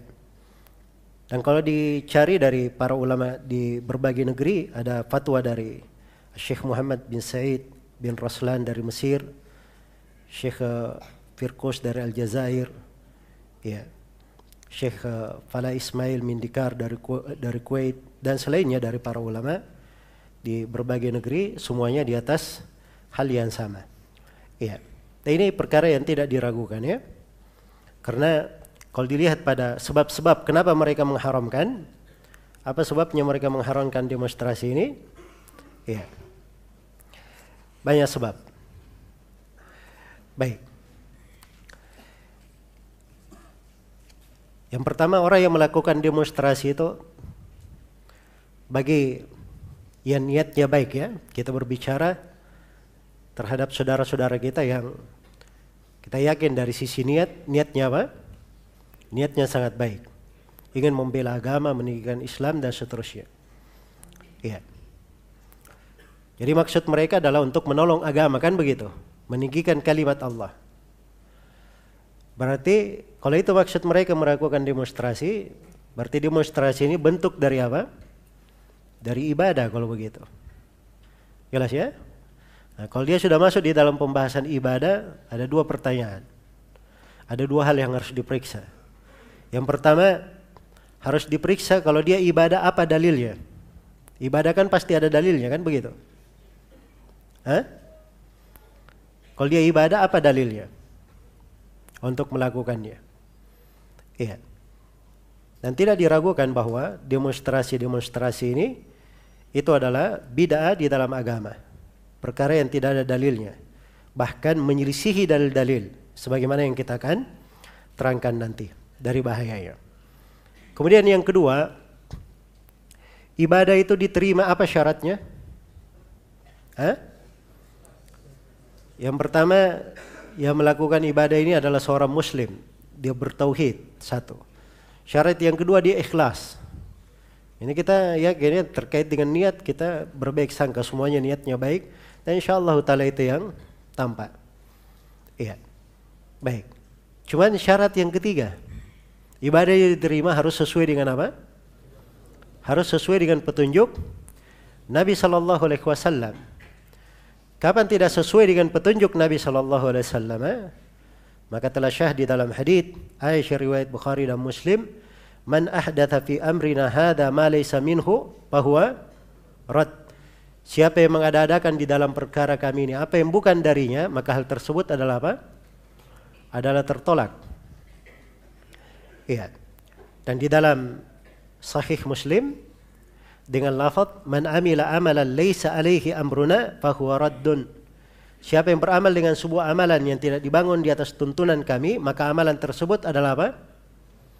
Adalah tertolak. Jadi kalau dia ibadah, maka asal dalam ibadah tidak boleh dilakukan kecuali dengan apa? Kecuali dengan dalil. Kecuali dengan dalil. Baik. Jadi ini yang pertama. Kenapa diharamkan? Kemudian yang kedua, dimaklumi bahwa demonstrasi-demonstrasi ini itu munculnya dari mana? Dari orang-orang kafir diambilnya. Iya. Kalau di dalam sejarah perjalanan umat Islam itu hanya muncul dari kelompok-kelompok yang menyimpang. Seperti kelompok Khawarij yang melakukan kudeta terhadap Khalifah Uthman Ibnu Affan radhiyallahu taala anhum. Jelas ya? Dan diambil dari ketentuan-ketentuan ya. Dari peraturan-peraturan yang itu bukan dari peraturan yang dibenarkan di dalam Islam. Tidak dibenarkan di dalam Islam. Baik. Kalau begitu dari sisi ini demonstrasi itu bukan jalan kaum mukminin. Bukan jalannya siapa? Kaum mukminin. Dan Allah Subhanahu wa taala telah mengancam di dalam Al-Qur'an. Wa may yushakkikir rasula min ba'di ma tabayyana lahul huda wa yattabi' ghayra sabilil mu'minin nuwallihi ma tawalla wa nuslihi jahannam wa sa'at masira. Barang siapa yang durhaka kepada Ar-Rasul setelah tampak jelas baginya petunjuk dan dia mengikuti jalan selain jalan kaum mukminin maka kami akan biarkan dia larut di dalam kesesatannya. Dan kami akan masukkan dia ke dalam neraka jahanam dan itu adalah sejelek-jelek tempat kembali. Iya. Maka ini ancaman yang besar menyelisihi jalan kaum mukminin. Baik. Kemudian yang ketiga, sebab yang ketiga. Kenapa dia haramkan demonstrasi? Ya. Diharamkan demonstrasi karena Allah Subhanahu wa taala berfirman di dalam Al-Qur'an. Wa'tasimu bihablillahi jami'an wa la tafarraqu. Berpegang teguhlah kalian semua dengan tali Allah dan jangan kalian bercerai-berai. Dan Allah Subhanahu wa taala berfirman, "Wala tanaza'u fatafshalu wa tadhhab rihukum." Dan janganlah kalian bertikai maka kalian akan kalah dan hilang dari kekuatan kalian. Ya. Dan selainnya dari dalil-dalil yang mewajibkan kita, memerintah kita untuk bersatu, berkumpul dan tidak berpecah-pecah, tidak berselisih. Tidak berselisih. Mengajak demonstrasi di negeri kaum muslimin itu artinya mengajak orang untuk apa? Untuk berpecah dan berselisih. Wah ini demonstrasi persatuan umat Islam. Bela Islam. Ya. Baik itu presiden muslim atau bukan? Hah? Wakil presiden muslim atau bukan? Terus kebanyakan dari banyak dari orang-orang di pemerintahan muslim atau bukan? Baik, kalau begitu bagaimana caranya mau menyatukan? Iya. Jadi kalau diarahkan kepada persatuan, dipersatukan untuk semuanya. Dan hakikat kaum muslimin dalam persatuan mereka bersatu di bawah tuntunan Al-Quran dan As-Sunnah kalau mereka di dalam sebuah negeri persatuan itu adalah kaum muslimin dipimpin oleh pimpinan negara. Ah, itulah bersatu namanya. Iya itulah bersatu. Karena itu hadith-hadith Nabi Shallallahu Alaihi Wasallam tegas dalam hal ini. Di antaranya diriwayatkan oleh Imam Muslim dari hadits Arfajah. Rasulullah sallallahu alaihi wasallam bersabda man atakum wa amru wa amrukum jami' ala rajulin wahidin yuridu an yashqa asakum wa yufarriqa jama'atakum faqtulu Siapa yang mendatangi kalian dan perkara kalian itu bersatu di bawah kepemimpinan seorang lelaki ada kepala negaranya dia ingin memecah belah tongkat kalian, kebersamaan kalian atau memecah jamaah kalian. Maka bunuhlah orang yang datang ini. Iya. Dan di dalam riwayat yang lain Rasulullah sallallahu alaihi wasallam bersabda innaha satakunu hanatun wa hanat. Akan terjadi berbagai perkara perkara-perkara begini dan perkara-perkara begini. Iya. Maksudnya hal-hal yang tidak terpuji, hal-hal yang tidak baik. Paman arada an yufarriqa amra hadhihi al-umma wa hiya jami' fadribuhu bis-sayf kainan man kan. Siapa yang ingin memecah belah perkara umat ini dan umat ini sedang bersatu di bawah kepemimpinan seorang pemimpin, maka penggala leher orang yang datang ini dengan pedang, siapa pun dia. Siapa pun dia. Ini hadits Nabi sallallahu alaihi wasallam. Karena kita di dalam syariat ini diperintah untuk berjamaah. Diperintah untuk bersatu. Itulah hakikat berjamaah namanya. Hakikat berjamaah. Karena itu kalau ada yang menafsirkan al-jamaah selain dari dua penafsiran itu keliru. Itu keliru. Jamaah itu cuma dua penafsirannya. Jamaah bermana jamaatul haq mengikuti Al-Quran dan As-Sunnah sesuai dengan jalan para sahabat jalan as-salaf kadang dibahasakan jamaah bermana para sahabat kadang dibahasakan kesepakatan ulama ini jamaah mana yang pertama jamaah kebenaran dan jemaah yang kedua bermana kaum muslimin dipimpin oleh pimpinan negara kaum muslimin dipimpin oleh pimpinan negara cuma dua saja mana jamaah iya Baik. Maka ini harus dipahami ya tentang pentingnya ya kebersamaan ini dalam jamaah. Kemudian yang keberapa sekarang? Yang keempat dari dalil bahwa demonstrasi adalah haram, bahwa demonstrasi itu menyerupai orang-orang kafir. Menyerupai dari apa? Orang-orang kafir. Sedangkan Rasulullah sallallahu alaihi wasallam telah bersabda, "Wa man tashabbaha biqaumin fahuwa minhum." Siapa yang menyerupai satu kaum, maka ia termasuk dari kaum tersebut. Iya. Termasuk dari kaum tersebut. Iya. Baik. Maka ini tasyabuh namanya. Dan semuanya tahu bahwa di tengah umat Islam ini tidak ada dikenal namanya demo-demo. Iya. Tidak dikenal. Yang ada di dalam sejarah itu orang-orang yang menyimpang saja kalau ada di dalam sejarah umat. Dan kegiatan-kegiatan yang seperti itu diambilnya dari negeri-negeri kafir. Ya. Dimasukkan ke tengah umat Islam. Baik. Saya akan bahas nanti ada syubhat sebagian orang mengatakan bahwa tidak semua yang di negeri kafir itu tidak boleh diambil. Ya. Saya akan bahas nanti. Ada sebagian orang yang berdalilkan dengan uh, penggalian parit di perang Khandaq. Baik. Kemudian berikutnya dari dalil akan haramnya demonstrasi ini dari sisi yang kelima ya. Hal tersebut menyelisihi apa yang datang di dalam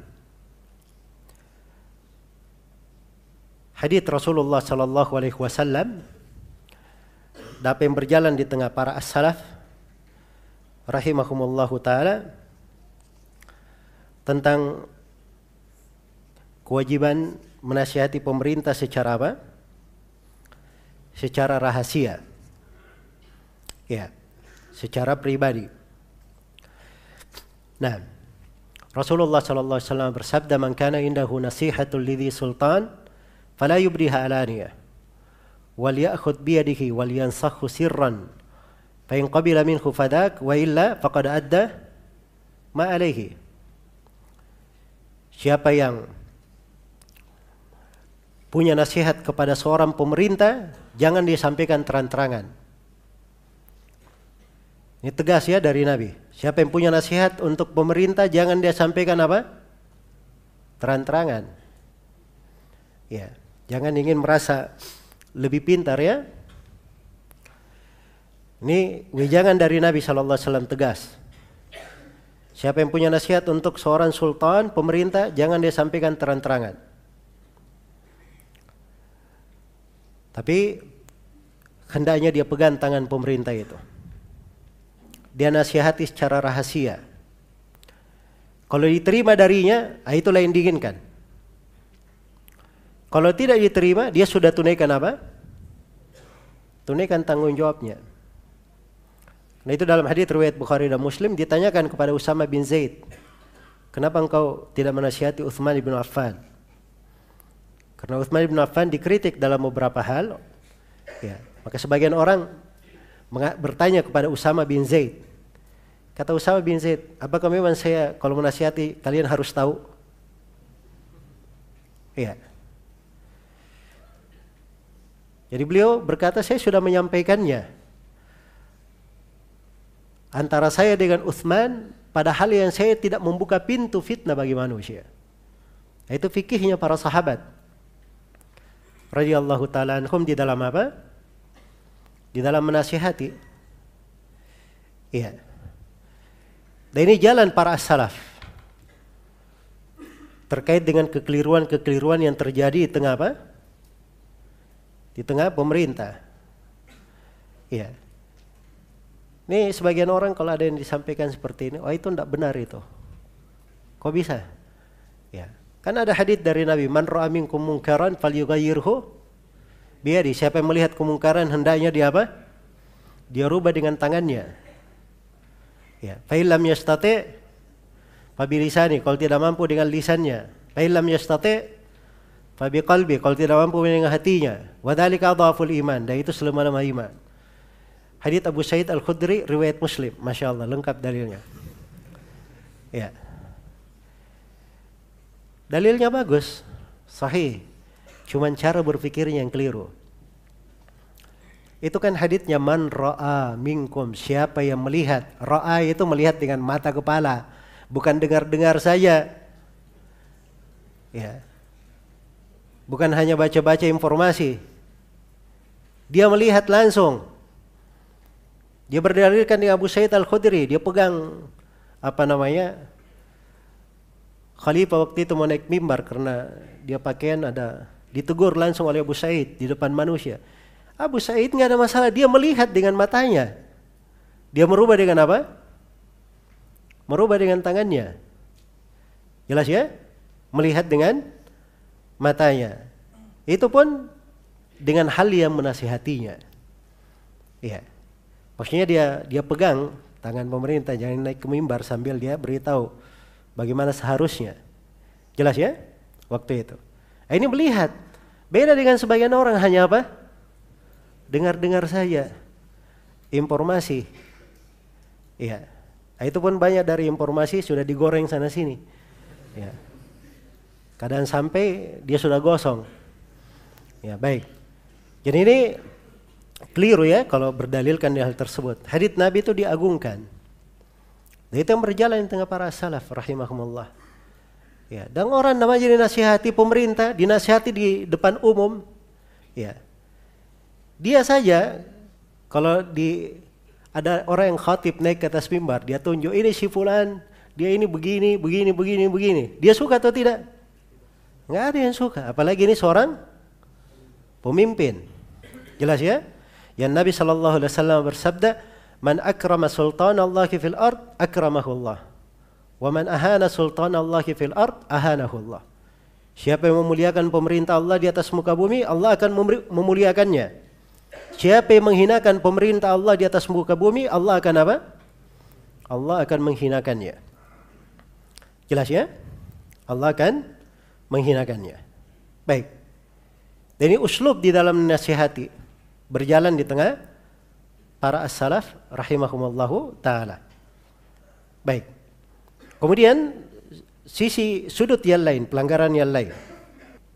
Kalau maksud dia melakukan demonstrasi, apa bentuk demonstrasi itu banyak dari bentuknya itu adalah bentuk keluar terhadap pemerintah. Khuruj namanya. Kudeta. Iya. Kudeta terhadap apa? Pemerintah.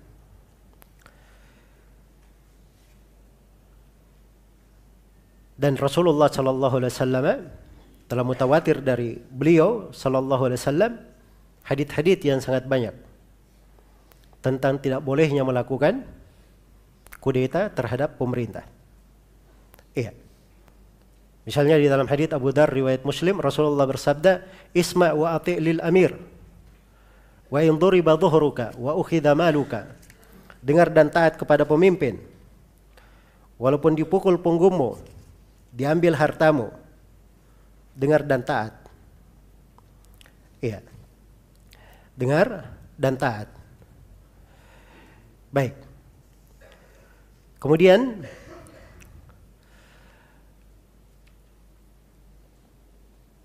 Rasulullah Shallallahu Alaihi Wasallam di dalam mendidik para sahabatnya juga seperti itu. Karena itu ketika manusia mengadukan apa yang mereka temukan dari kekejaman Hajjat bin Yusuf kepada Anas bin Malik radhiyallahu taala anhu. Anas bin Malik berkata, "Isbiru hatta talqauni alal haud." Bersabarlah kalian sampai kalian menjumpaiku di telaga. Demikianlah saya mendengar dari Rasulullah sallallahu alaihi wasallam. Iya. Baik. Jadi harus diketahui ya bahwa kudeta terhadap pemerintah itu adalah hal yang diharamkan menurut kesepakatan ulama. Ya, kesepakatan disebutkan oleh Imam Nawawi dan selainnya. Mungkin sebagiannya saya akan baca nanti di sela-sela bantahan ya. Iya. Bahwa dalil-dalil yang menunjukkan tentang haramnya kudeta terhadap pemerintah itu adalah hal yang disepakati di kalangan para ulama. Baik, kudeta itu ada dua macam. Ada kudeta dalam bentuk fisik. Inilah yang biasa dikenal ya dan definisi kudeta biasanya seperti itu yang dipahami oleh orang. Dan yang kedua ada kudeta dalam bentuk ucapan. Iya. Ini kerjanya dia ngompor-ngompori. Ya. Membuat orang apa? Benci kepada pemerintah. Karena itu di masa dahulu kaum khawarij itu dua macam di masa dahulu. Ada kaum khawarij mengangkat senjata, ah, inilah yang melakukan pedang. Senangnya berbau-bau darah. Ada khawarij jenis disebut dengan nama disebutkan oleh Ibnu Hajar dengan nama Al-Qa'adiyah. Al-Qa'adiyah ini khawarij duduk. Dia duduk-duduk saja. Ya, tapi dia yang kasih ideologi kepada orang-orang supaya apa? Supaya melakukan kudeta. Dia yang panas-panasi, dia yang kompor-kompori orang. Untuk apa? Melakukan kudeta. Iya. Dan ini semuanya keluar dari jalan dari jalan agama. Baik. Berikutnya dari dalil juga adalah hadith-hadith yang menunjukkan tentang kewajiban untuk bersabar terhadap kesewenang-wenangan pemerintah. Ya, jadi kalau pemerintah berlaku sewenang-wenang, berlaku zalim, apa kewajiban kita? Kewajiban kita bersabar. Itu ada di dalam hadis Nabi Shallallahu Alaihi Wasallam. Tidak ada selain daripada itu. Iya. Baik. Karena itu ketika Nabi Shallallahu Alaihi Wasallam ketika ditanya, begitu beliau kabarkan ada pemerintah yang mementingkan dirinya sendiri, maka Nabi Ditanya, bolehkah kami melakukan kudeta terhadap mereka? Kata Nabi, la ma'aqamu fikumus salat. Tidak boleh. Sepanjang mereka masih menegakkan solat di tengah kalian. Dan Ubadah bin Samit berkata, Baya'na Rasulullah sallallahu alaihi wasallam ala sam'i wa ta'a fil usri wal yusur wal mansyati wal makra wa ala atharatin alaina wa an la nunazi al amra ahlahu illa an taraw illa an taraw fihi kufran bawahan indakum fihi min Allahi burhan. Ini haditsnya riwayat Bukhari dan Muslim. Ubadah bin Samit berkata, kami membaiat Rasulullah sallallahu alaihi wasallam untuk mendengar dan taat kepada pemimpin. Dalam hal kami bersemangat maupun dipaksa. Dalam keadaan lapang maupun sempit. Dan dalam keadaan pemimpin lebih mementingkan dirinya. Lebih mementingkan dirinya dan tidak boleh kami mengganggu perkara dari pemiliknya kecuali kalau melihat kekafiran yang nyata ini bahasanya hadith illa antarau kecuali kalau kamu melihat bahasanya apa melihat bukan cuma dengar-dengar ya dia melihat jelas ya bukan cuma dengar-dengar informasi ah, ini informasinya ini Pak Presiden ini mendukung si fulan. Membela si fulan. Nah, itu kan informasi namanya. Jelas ya? Ya. Ini kekeliruan harus dipahami bahasa-bahasa hadith. Jangan disalah artikan. Kecuali kalau kamu melihat apa yang dilihat kufron, kekafiran. Bukan kemaksiatan. Tapi hal yang mengafirkan mengeluarkan dari keislaman. Kekafiran yang bagaimana? Bawahan, kekafiran yang nyata. Kalau kekafirannya silam pendapat, itu tidak masuk. Tapi ini kekafiran yang apa? Bawahan. Indakum minallahi, kalian punya argumen dari sisi Allah. Siapa yang berani berkata dia punya argumen di sisi Allah? Hah? Untuk masalah yang seperti itu.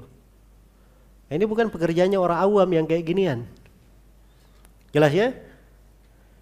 Ini pekerjaannya orang yang berilmu. Pekerjaannya ahlul ilm. Iya. Fihi di dalamnya. Harus ada di dalam masalah itu sendiri. Secara khusus. Bukan dalil umum. Dalil di masalah itu khusus. Minallahi burhan. Kalian punya burhan. Burhan itu argumen yang terang, tampak. Nah, ini perhatikan ya tentang ketentuan dan syarat-syaratnya. Iya. Ketentuan dan syarat-syaratnya. Baik, jadi Nabi Wasallam jangan mengatakan ada yang lebih cemburu daripada Nabi. Ya, wah ini bagaimana kecemburuan terhadap agama? Ya, kita ditindas, dilolimi, hak-hak umat Islam diinjak-injak, lalu kita diam-diam saja. Di mana kecemburuan terhadap agama? Wah jangan tanya kepada saya. Tanya kepada Nabi Wasallam. Nabi yang perintah apa? Perintah bersabar. Ya. Nabi yang lebih tahu maslahat umatnya. Jelas ya? Yang lebih tahu maslahat untuk umat di dalam hal tersebut. Karena itu belum pernah ada sejarah, belum pernah ada di dalam sejarah ada orang yang melakukan kudeta terhadap pemerintah lalu keluar membawa apa? Membawa kebaikan. Itu belum pernah ada di dalam sejarah. Iya. Baik. Berikutnya dari dalil yang menunjukkan haramnya demonstrasi. Iya. Keamanan itu adalah hal yang merupakan ciri pokok di dalam Islam. Islam ini agama keamanan. Terdapat di dalamnya sebab-sebab keamanan. Menegakkan keamanan di dunia dan di akhirat. Bahkan penduduk sorga itu kelak di kemudian hari kenikmatannya di sorga juga disebut keamanan. Innal muttaqina fi maqamin amin. Sungguhnya orang-orang yang bertakwa di kedudukan yang penuh dengan keamanan. Tidak ada agama yang lebih dekat, lebih cinta, sempurna dalam menjaga keamanan melebihi agama Islam. Iya. Demonstrasi ini itu berseberangan dengan makna keamanan. Bahkan memecah keamanan, mencabik-cabiknya dan bertolak belakang dengannya. Iya, bertolak belakang dengannya. Karena itu seorang muslim tidak boleh membuat takut muslim yang lainnya. La yahillu li muslimin ayyurawi'a akhakul muslim. Tidak halal bagi seorang muslim membuat takut saudaranya muslim yang lain. Iya. Baik. Apakah itu dengan bentuk menutup jalan? Ya. Apalagi dalam bentuk tindakan-tindakan anarkis. Iya. Tindakan-tindakan anarkis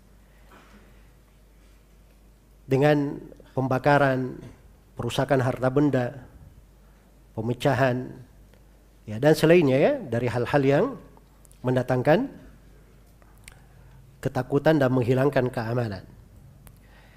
Iya. Kemudian juga dari sisi bahaya ada satu tadi terkait dengan pemerintah saya belum poinkan. Dari bahaya demonstrasi ini, demonstrasi ini ini akan membuat hati rakyat panas terhadap pemerintah. Ya. Dan tidak seperti itu kita dididik di dalam agama ini. Nabi Shallallahu Alaihi Wasallam dalam hadits riwayat Bukhari dan Muslim pernah ditanya tentang pemerintah yang zalim. Beliau berpaling, berpaling, berpaling. Yang keempat baru beliau berkata, ya, isma wa ati, dengar dan taat. Fain nama alaihi ma hummila wa alaikum ma hummiltum. Terhadap penguasa ada beban yang dibebankan terhadap mereka dan terhadap kalian ada beban dibebankan terhadap apa? kalian. Setiap dari kalian ada tanggung jawab masing-masing. Dijaga kedudukan pemerintah ini oleh Nabi Shallallahu Alaihi Wasallam. Jelas ya? Itu tadi Nabi berkata, siapa yang memuliakan penguasa Allah di atas muka bumi, Allah akan apa? Memuliakannya. Dan siapa yang menghinakannya, Allah akan menghinakannya. Iya. Jadi kalau menjadikan penguasa sebagai bahan celaan, ya, membuat manusia apa namanya panas terhadapnya, benci kepadanya, ya, ini adalah hal yang tidak diperbolehkan. Karena itu kalau mau lihat ciri dan potret dari Islam itu, lihatlah bagaimana Imam Ahli Sunnah, Imam Ahmad bin Hanbal rahimahullahu taala Beliau ini didolimi di tiga generasi pemerintahan. Bersamaan dengan itu beliau berkata, "Lau lau anna li da'watan mustajabah ma ja'altuha illa sultan." Andai kata saya punya doa yang dikabulkan, saya akan pakai doa ini untuk kebaikan pemerintah. Sebab kalau pemimpin baik, baik juga apa? Rakyatnya. Tidak ada dendam beliau sama pemimpin sama sekali. Ya.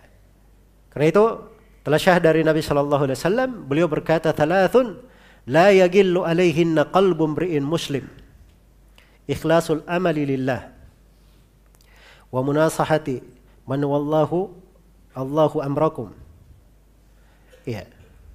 Waluzum jama'atihim. Kata beliau ada tiga perkara. Yang dengan tiga perkara ini hati seorang mukmin tidak akan membawa gulul.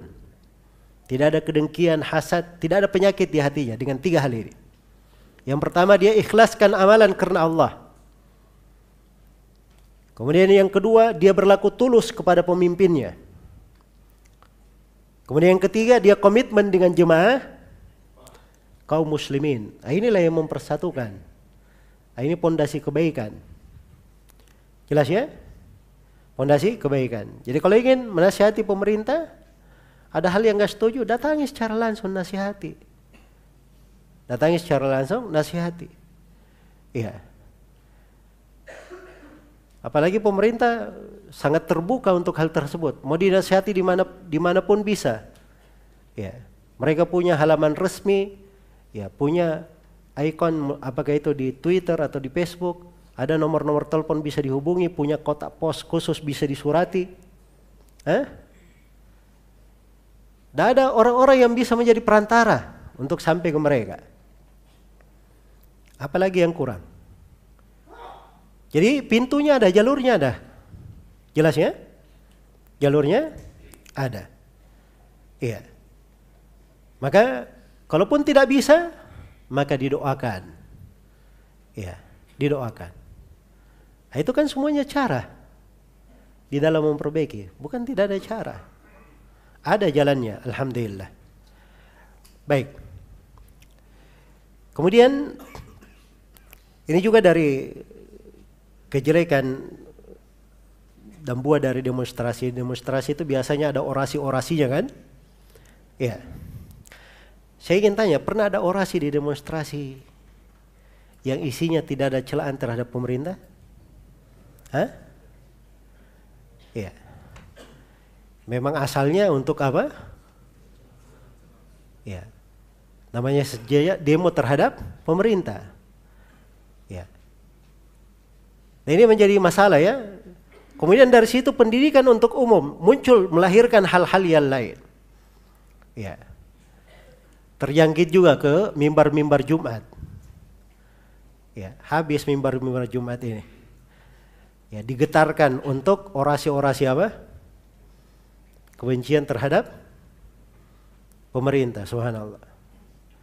Ya. Sampai saya pernah tahun berapa itu? Pernah ada tsunami di Jawa Barat. Ya, tidak terlalu besar waktu itu, tidak seperti terkenalnya di Aceh. Hari Jumat, saya kebetulan singgah di sebuah masjid, hadir khutbah Masya Allah khatibnya menyinggung itu. Saya pikir dia mau ingatkan orang tentang bahaya dosa bahaya maksiat. Tapi ternyata sang khatib berkata ini semuanya karena sebab pemerintah begini anggota dewannya begini. Semuanya kena sikat. Ya. Nah, ini repot ya. Tidak membawa kedamaian. Ya. dan itu menyelisih petunjuk Nabi sallallahu alaihi wasallam. Baik. Kemudian muncul juga di belakangnya lagi nanti akan rusak dari potret Islam ini. Dari wajah Islam ini. Iya.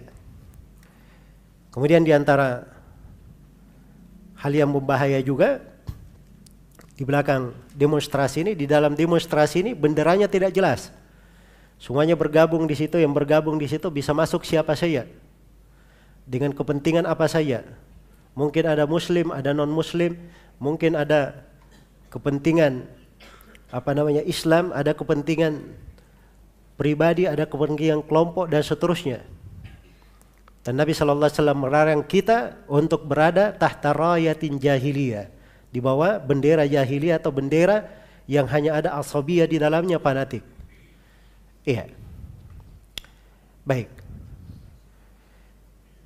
Kemudian dari apa namanya? Demonstrasi-demonstrasi ini juga ya. Kadang lahir di dalamnya berbagai kekacauan. Iya. Jadi kalau ada yang mengatakan Ada sebagian demo itu demonya aman, damai. Ya. Aman dan damai. Ya, tidak terjadi kekacauan di dalamnya. Maka itu kita berbicara hal yang jarang terjadi namanya. Ya. Coba buat apa namanya hitungan orang-orang yang melakukan demonstrasi yang tidak ada bentuk gangguan di situ. Ini katanya sisi amannya itu bagaimana? Ya sekian juta manusia berkumpul, tidak ada yang rusak, bersih, rumput saja tidak ada yang apa namanya? Ya, tidak ada yang diinjak. Ya. Baik. Sudah diperhitungkan sisi bahaya lain? Itu pemerintah dalam mengamankan demo itu habis berapa anggaran? Hah? Andai kata dibuat untuk membangun sekian banyak masjid, Masya Allah. Kan begitu? Terus jalan-jalan yang ditutup itu mau dikemanakan? Itu tidak mengganggu jalan-jalan yang ditutup. Tempat-tempat manusia berteduh di situ harusnya bisa berteduh, dia tidak bisa berteduh di situ. Itu ada hadis dari Nabi Shallallahu Alaihi Wasallam. Iya. Nabi Shallallahu Alaihi Wasallam bersabda, "Man dayyaqa manzilan, atau qata'a tariqan, atau ada mu'minan fala jihadalah." Barang siapa yang mempersempit tempat singgah orang dan barang siapa yang memutus jalan orang dan barang siapa yang mengganggu seorang mukmin maka tidak ada jihad bagi dia. Ini ucapan Nabi untuk sahabat yang keluar benaran jihad. Jihadnya ini jihad yang syar'i. Nabi yang mengutus mereka. Dikirim oleh Nabi. Tapi kalau dia melakukan tiga pelanggaran ini, dikatakan oleh Nabi apa? Tidak ada jihadnya. Apalagi dalam acara yang tidak disyariatkan. Jelas ya? Iya. Dalam acara yang tidak disyariatkan. Tidak ada yang meninggal di acara itu. Ya. Loh ada satu orang, oh itu kan sakit dia. Baik sakit bagaimana? Siapa yang bawa dia keluar? Kenapa bisa meninggal? Nah, ini urusan apa namanya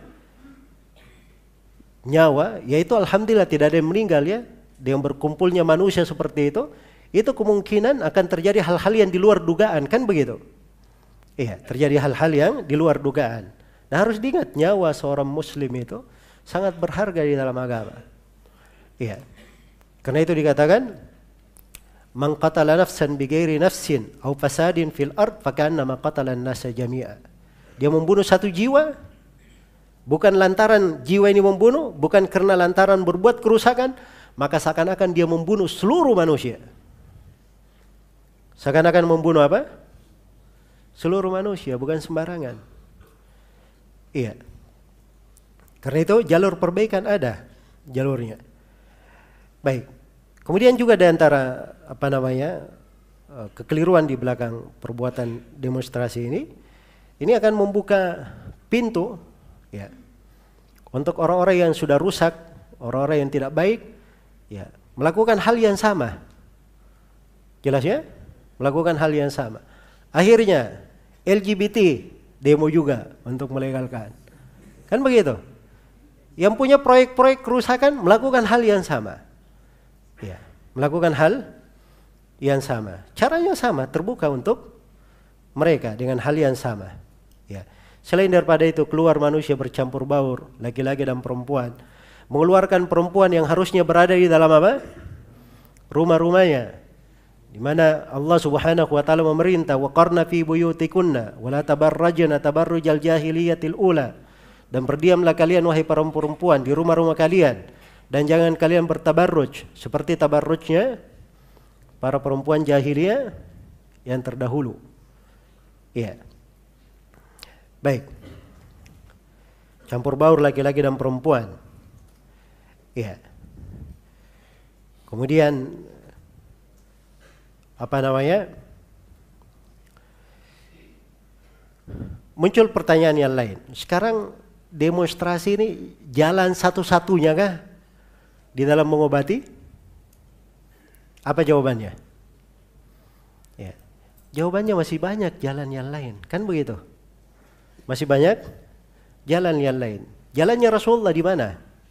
Ya. Kalaupun dia tidak bisa menasihati, pemerintah menolak, tidak ada jalan ke sana, dia cukup berdoa kepada Allah Subhanahu wa taala. Bersabar. Itu solusi atau bukan? Saya tanya, sabar itu solusi atau bukan? Solusi. Ya. Atau ini mungkin di masa ini ada pemerintah kaum muslimin yang dianggap dolim, bejat. Ya, mungkin sebejat-bejat pemerintah di masa sekarang tidak ada yang sebejat Fir'aun. Hah? Ada yang seperti Fir'aun. Ya. Fir'aun ini ya dengan bala tentaranya melakukan berbagai kedoliman terhadap Nabi Musa dan kaumnya. Ada dalam sepotong ayat atau sepotong hadis Nabi Musa demo-demo? Hah? Menggalam masa untuk menghadapi Firaun? Tidak ada. Jelas ya? Bahkan ketika Firaun dan bala tentaranya dibinasakan, Allah cuma menyebut satu amalan Bani Israel, cuma satu saja.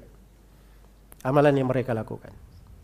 Allah firman dalam Al-Quran, وَأَوْرَثْنَا الْقَوْمَ الَّذِينَ كَانُوا يَسْتَضَعَفُونَ مشارق الأرض ومغاربها التي باركنا فيها وتمت كلمة ربك الحسنى على بني إسرائيل بما صبروا kami wariskan bumi timur sampai baratnya kepada kaum yang dulunya tertindas di atas muka bumi dan telah sempurna kalimat Allah yang maha indah untuk Bani Israel disebabkan karena kesabaran mereka cuma satu yang disebut kesabaran mereka Jelas ya? Di ayat yang lain disebutkan mereka berdoa. Ya, itu ada doanya di surah Yunus. Ya. "Rabbi inna innaka ataita fir'auna wa mala'ahu zinata wa amwalan" dan seterusnya. Ya. Nabi Musa mendoakan kebinasakan untuk Fir'aun dan bala tentaranya. Kemudian Allah berfirman di ayat setelahnya, "Qad ujibat da'watukuma." telah dikabulkan doa kalian berdua. Ya, yang berdoa cuma Nabi Musa. Kenapa dikatakan doa kalian berdua? Karena kata para ulama, Nabi Musa berdoa, Nabi Harun mengaminkan. Makanya dianggap doa mereka berdua. Kata sebagian ulama ahli tafsir di ayat ini, ketika doa Nabi Musa dikabulkan, itu kan pasti Fir'aun dan bala tentaranya akan dibinasakan, kan begitu? Setelah itu 40 tahun setelahnya baru Fir'aun dan bala tentaranya di apa? Dibinasakan. Ya, kalau kita di masa sekarang ini, wah terlalu lama. Kapan mau terwujud kalau kita diam-diam saja? Sabar itu ada batasannya. Hah? Kan begitu?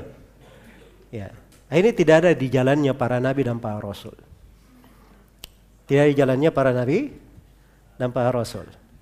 Baik. Jadi ini di antara apa namanya dalil-dalil ya. Saya banyak sekali kalau saya mau terangkan hal-hal yang lain.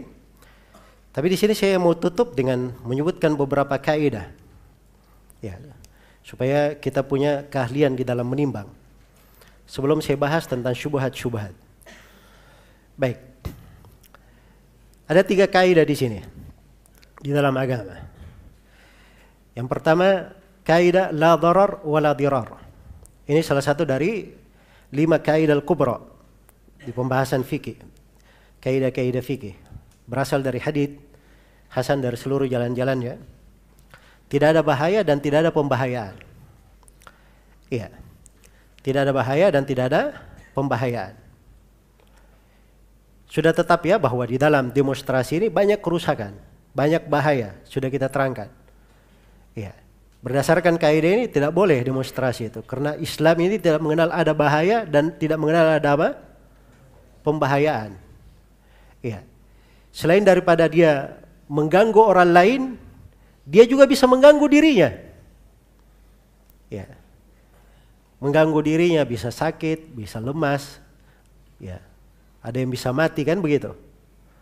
Ya. Ada yang mata pencaharian keluarganya terputus. Ada di sebagian sekolah pegawainya hilang. Ke mana? Pergi demo. ya. Nah, ini namanya kan membahayakan dirinya. Dia sudah keluar dari amanah kerjanya, ya, dia sudah bermaksiat dengan hal tersebut, keluar dari amanah kerja, ya, jatuh di dalam apa? Banyak pelanggaran. Baik, karena itu tidak boleh ada doror dan diror.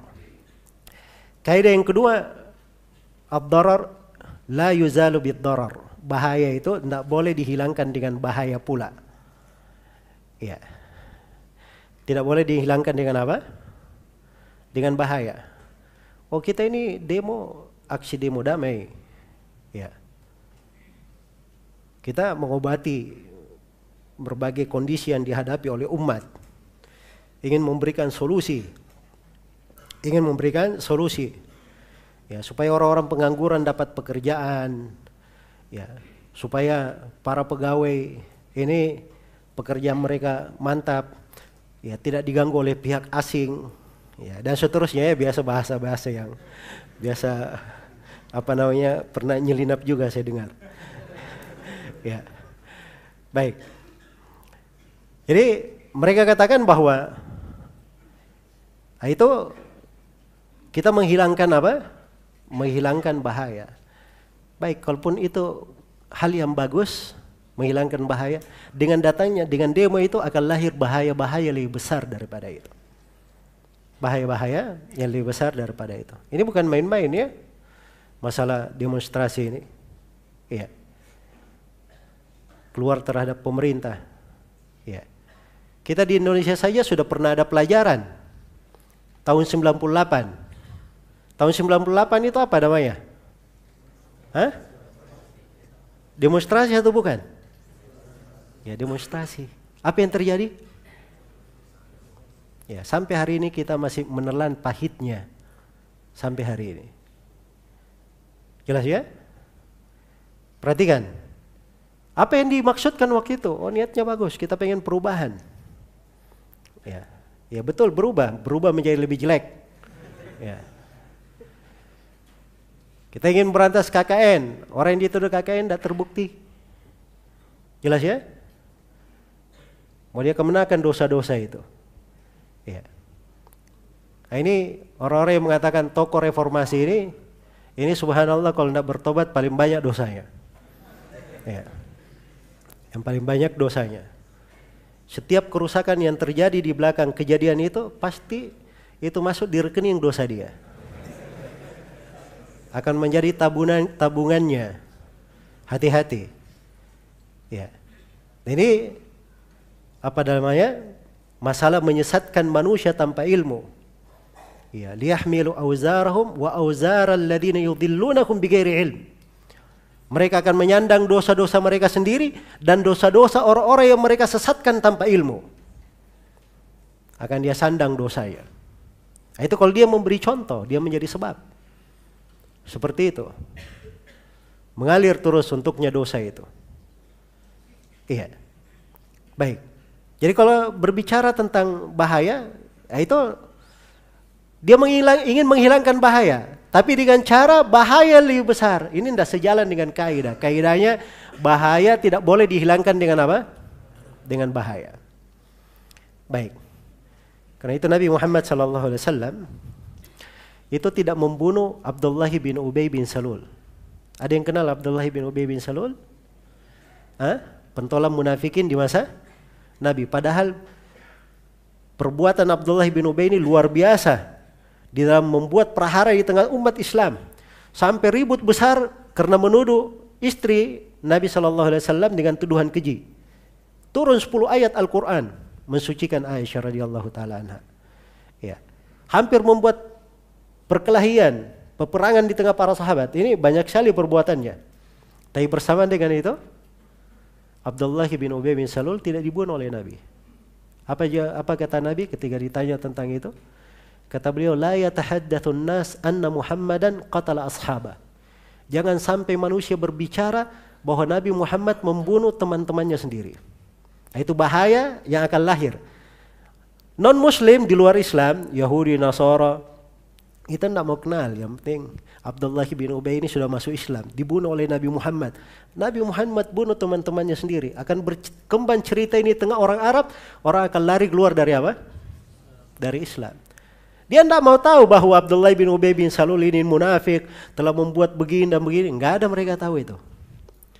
Karena itu Nabi berkata, Nabi tidak membunuhnya dengan alasan itu. Jangan sampai manusia bercerita bahwa Nabi Muhammad membunuh apa?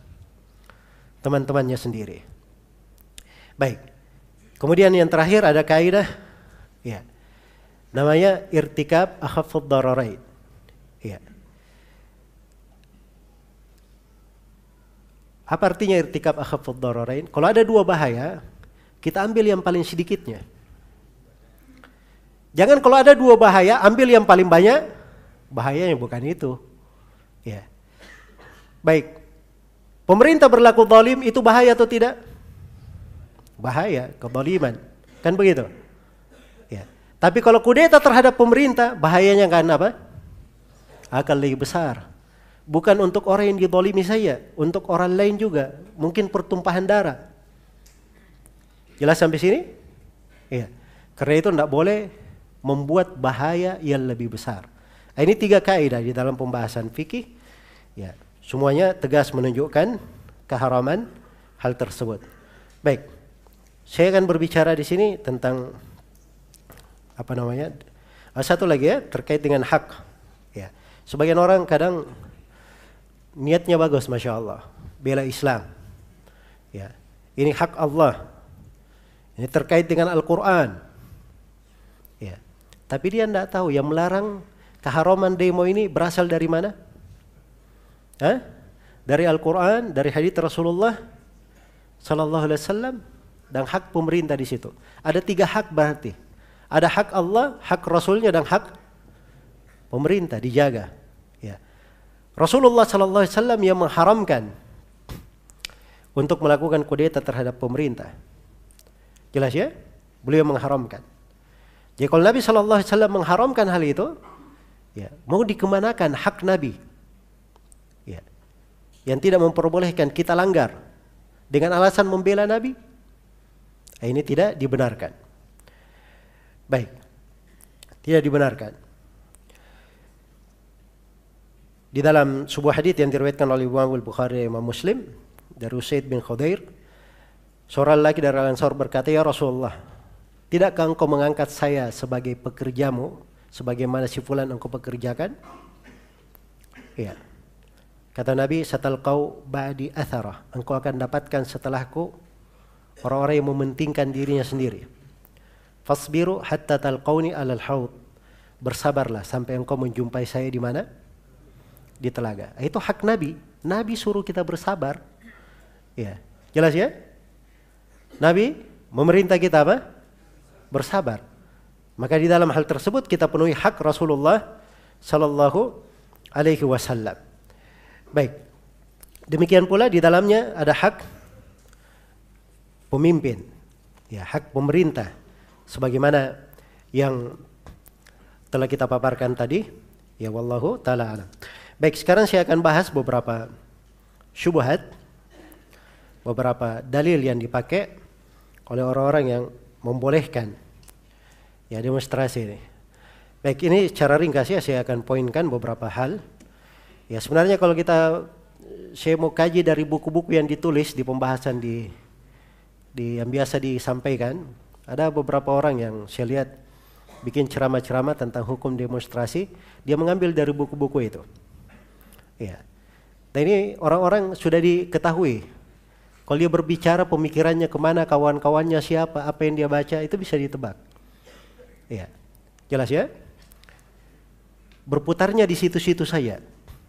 Berputarnya di situ-situ saya.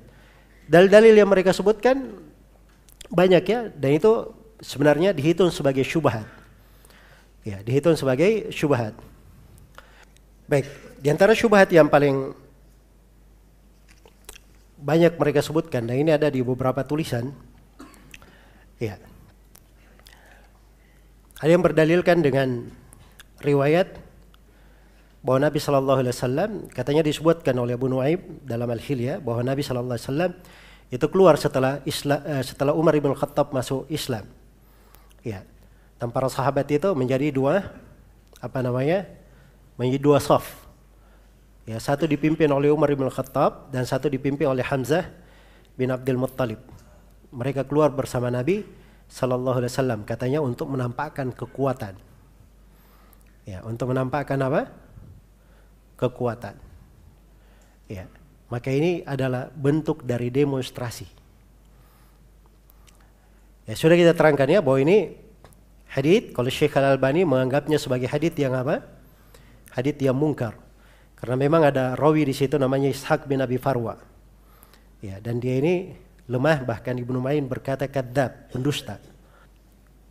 Kemudian dari sisi lain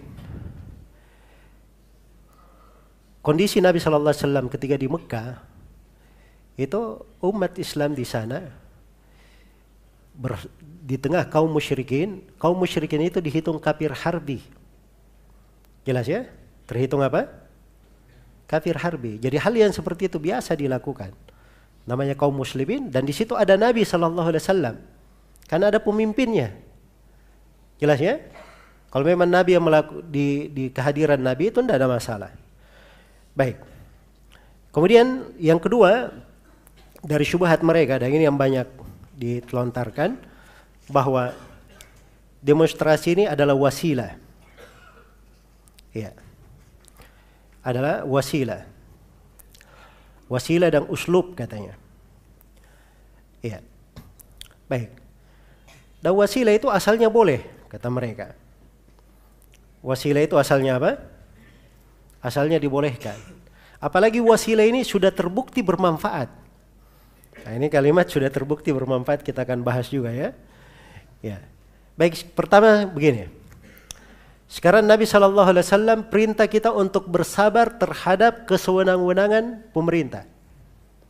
Benar atau tidak? Benar. Dalilnya tegas atau tidak? Tegas. Dalilnya mutawatir dan itu disepakati oleh para ulama. Kewajiban bersabar terhadap kezaliman apa? Pemerintah. Iya. Baik, ada kaidah dalam fikih, dalam usul fikih, al-amru bisyai nahyun an. Perintah akan sesuatu itu artinya larangan melakukan kebalikannya. Jelas ya? Jadi kalau kita diperintah bersabar, berarti kita dilarang apa? Hah? Dilarang melakukan demo, kan begitu? Iya. Maka ini ini artinya kalau dia katakan wasilah itu tidak benar. Sebab dia melanggar perintah Nabi Sallallahu Alaihi Wasallam. Wasilah itu boleh dilakukan kalau tidak bertentangan dengan apa? Tidak bertentangan dengan perintah.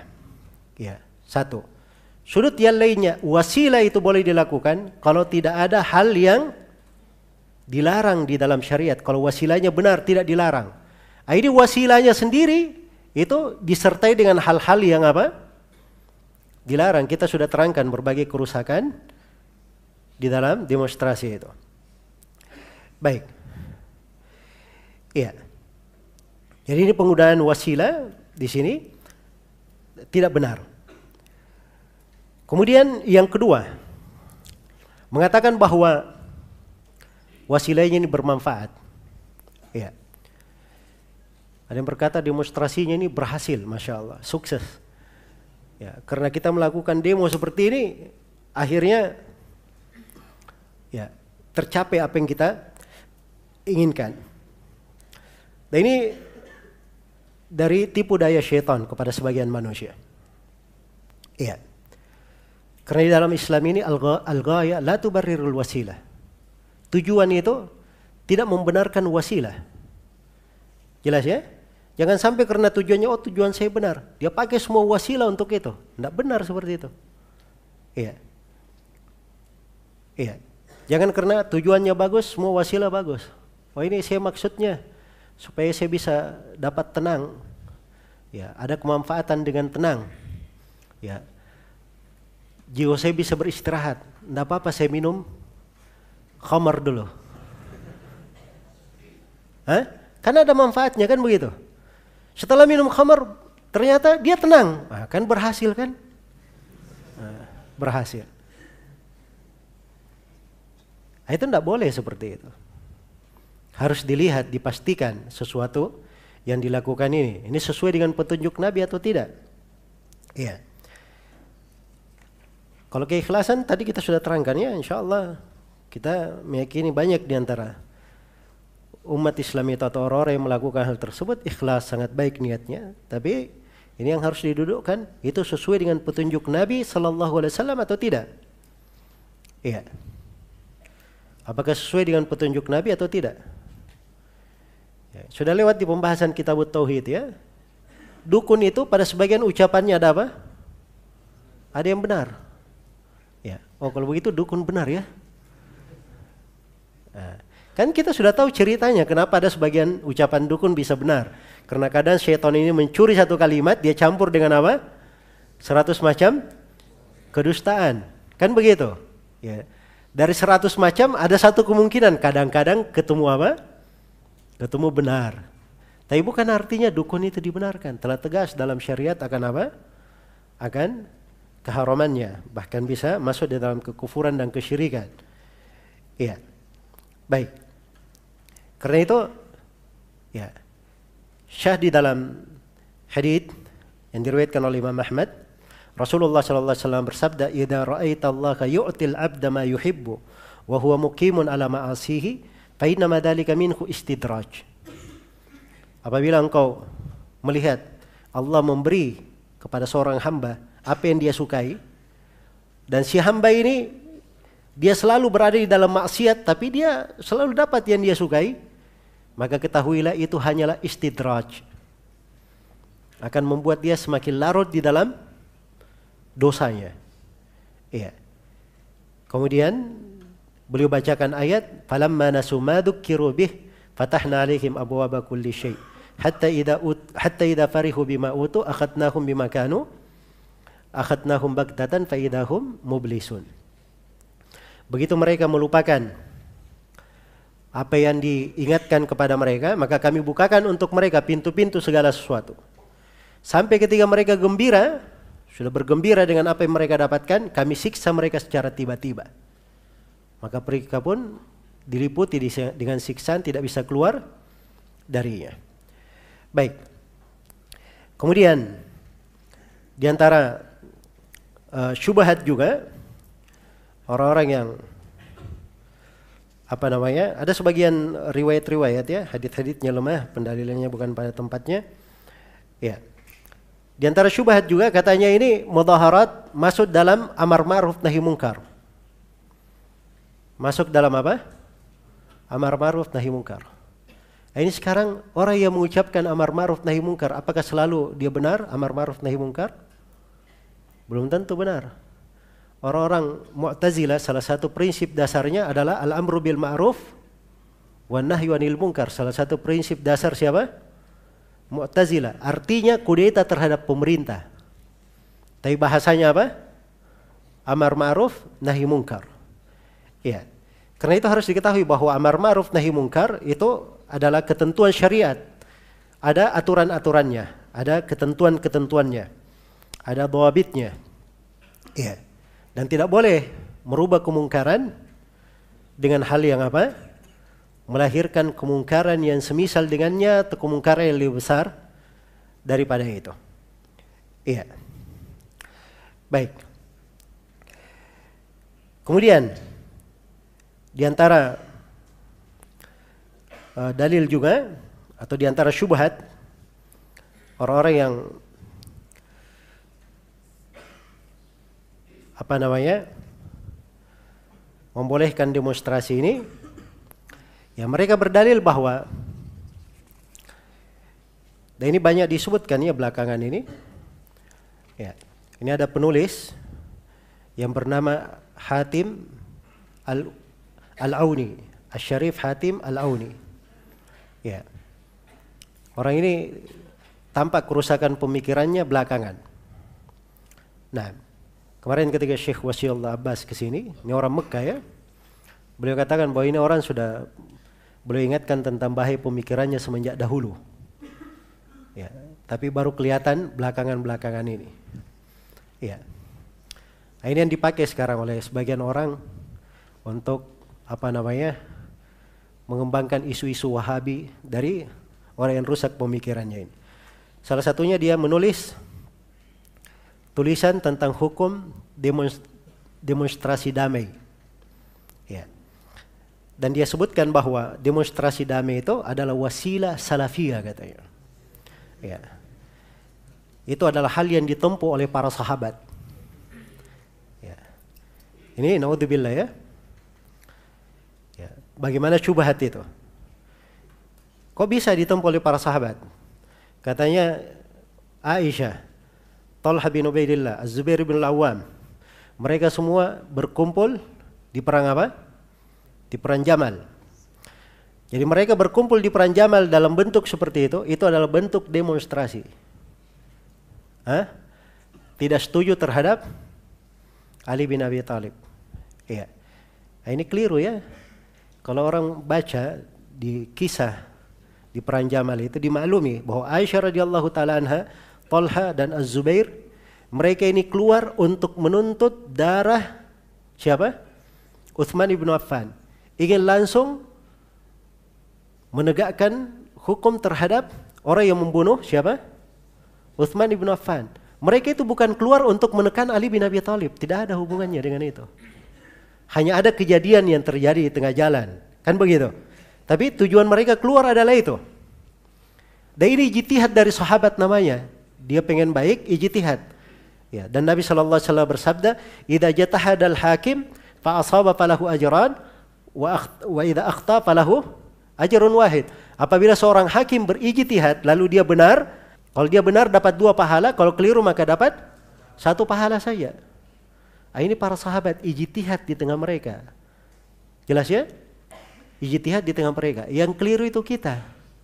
Kalau sahabat dia benar dua pahala, yang salah satu pahala. Kalau kita dapat dosa. Jelas ya? Ikut-ikut di urusan ahli ijtihad. Ya. Baik. Jadi berdalilkan dengan kisah ini untuk demonstrasi ini dari kekeliruan yang sangat besar ya. Jadi mereka keluar bukan untuk mendemo Ali bin Abi Thalib. Ya. Tapi untuk menghadapi dan mengeksekusi orang yang menumpahkan darah Uthman ibn Affan radhiyallahu taala anhum ajmain.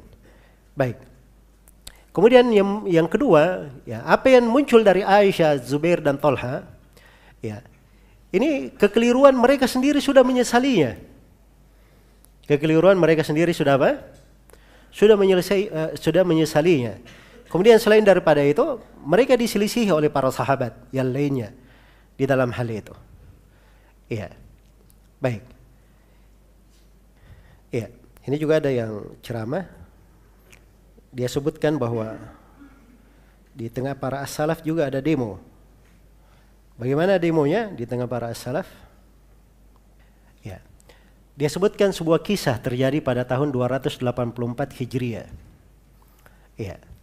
Katanya waktu itu ada Nasrani mencela Nabi sallallahu alaihi wasallam. Maka datang orang-orang ke pemerintah supaya apa namanya? Uh, menegakkan hukum terhadap Nasrani tersebut. Katanya ini demo terjadi, ada juga di masa para as-salaf. Ya, karena itu dia kasih judul besar ininya ceramahnya. Ya, ternyata di masa as-salaf juga ada demonstrasi.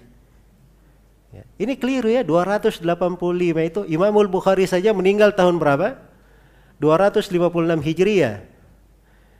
Dan Imamul Bukhari ini tidak masuk di tidak masuk sudah di kalangan tabiut tabiin. Ya, as-salaf itu sahabat, tabiin dan apa? Tabiut tabiin. Yang lainnya kalau masuk kepada as-salaf, eh, itu artinya mengikuti jalan mereka. Betul Al-Bukhari as-salaf. Dari sisi mengikuti jalan tiga generasi terbaik, kan begitu? Kemudian kalau ingin orang yang kumpul-kumpul, ndak usah pakai kisah itu. Pakai aja kisah kaum Khawarij yang mengepung rumah Utsman bin Affan. Nah, itu di masa salaf, di masa sahabat malah terjadinya. Ya. Bilang aja salaf demo. Siapa yang mendemo? Itu yang mendemo Uthman ibnu Affan. Nah. Jelas ya? Dan itu ada sebagian orang yang pakai dalil itu. Bahwa yang mendemo itu katanya ada sebagian sahabat yang ikut di situ. Dan itu dusta terhadap sahabat. Tidak ada sahabat yang bersyirikat di situ. Bahkan sahabat itu mereka menunggu perintah Uthman ibnu Affan sebagai pemerintah. Kalau Utsman perintah untuk memerangi orang-orang yang mengepung rumahnya ini akan dihabisi oleh para sahabat. Tapi Utsman lebih berpikir untuk apa? bersabar radhiyallahu taala anhu dan itu jitihad beliau radhiyallahu taala anhu. Jelas sampai sini ya? Jadi mengatakan bahwa itu apa namanya? nisbat kepada as-salaf, as-salaf melakukan hal yang seperti itu, itu keliru ya, subhanallah. Tidak boleh seorang itu ya apa namanya menisbatkan sesuatu kepada para as-salaf yang mengatakan sesuatu yang mereka tidak lakukan. Di muqaddimah sahih Muslim, Imam Muslim rahimahullahu taala itu meriwayatkan ya dengan sanatnya kepada Abdullah ibn Mubarak. Ibn Mubarak Ibnu Mubarak rahimahullah berkata kepada manusia. Kata beliau, "Da'u hadis Amr bin Thabit. Fa innahu kana yasubbu salaf." Kata beliau, tinggalkanlah hadis Amr bin Thabit. Karena Amr bin Thabit ini mencela para as-salaf. Ya, kalau ini tinggalkanlah hadis orang yang seperti itu, pembicaraan orang yang seperti itu, karena dia berdusta terhadap as-salaf. Ya. Orang-orang yang seperti ini tidak boleh dibiarkan ya berbicara terhadap nas-nas syariat yang menisbatkan sesuatu kepada para as-salaf hal yang mereka tidak ucapkan sama sekali. Baik. Ya, di antara syubhatnya juga katanya baik demonstrasi itu kalian katakan haram karena tasyabuh dengan orang kafir. Apakah semua yang tasyabuh dengan orang kafir itu haram tidak boleh? Katanya ada yang boleh diambil. Contoh, ya di perang Khandaq di Yaumul Ahzab ketika Nabi dan para sahabat dikepung di kota Medina kaum musyrikin ya bersatu padu dengan Yahudi dan Nasara mengepung mereka di di Medina maka waktu itu Salman Al-Farisi ya atau salah seorang sahabat ya mengusulkan supaya apa? Supaya Nabi membuat parit khandak Nah, ini kebiasaan perangnya di negeri kafir seperti itu kalau dikepung tempatnya. Maka Nabi mengambil hal tersebut. Nah, ini kan kebiasaan di negeri kafir dipakai. Ya. Dipakai. Jadi itu sisi pendalilan mereka. Dianggapnya bahwa itu dalil, padahal itu syubhat. Ya, syubhat apa? Yang berasal dari kerusakan pemikiran dan tahu cara berdalil. Ya, tidak mengerti cara berdalil.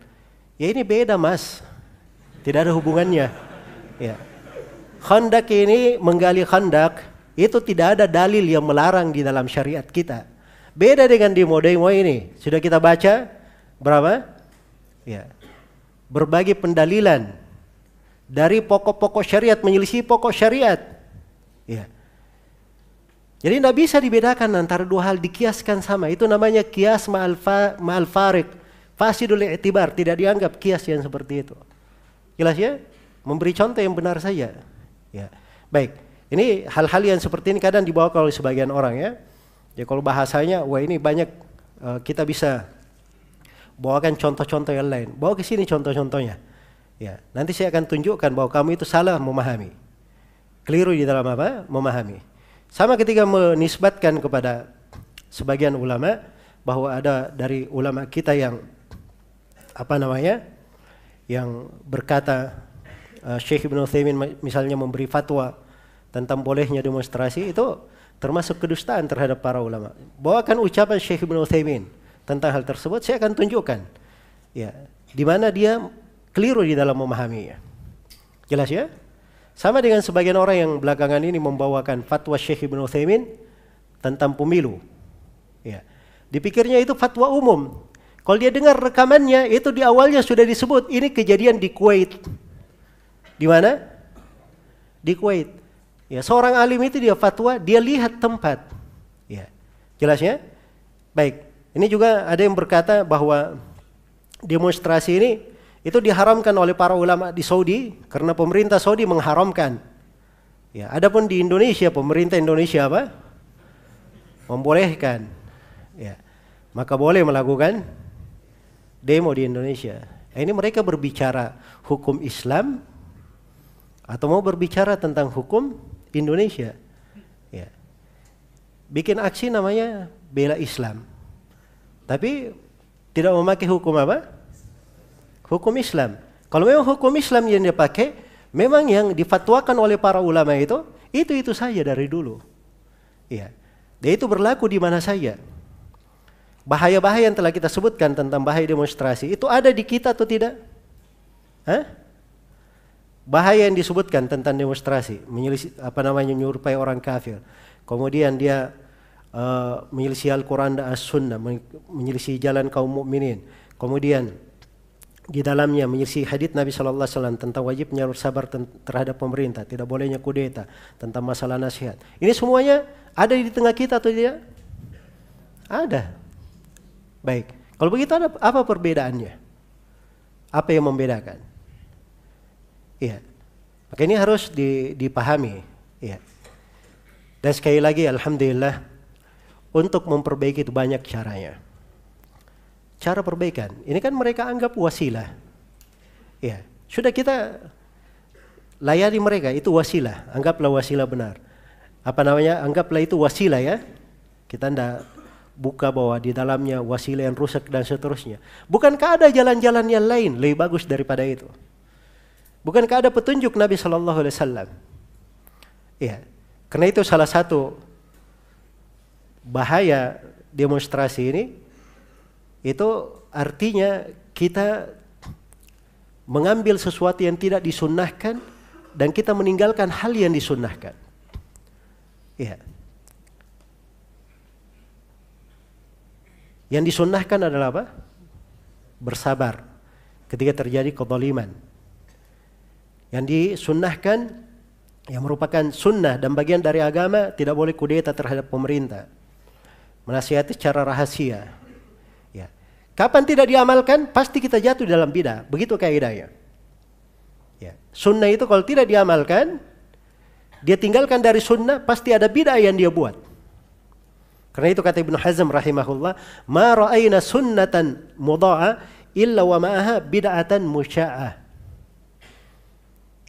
Atau ma ra'ayna bid'atan musya'ah illa wa ma'aha sunnatun mudha'ah. Tidaklah kami melihat ada bid'ah yang disebarkan kecuali di situ ada sunnah yang ditelantarkan.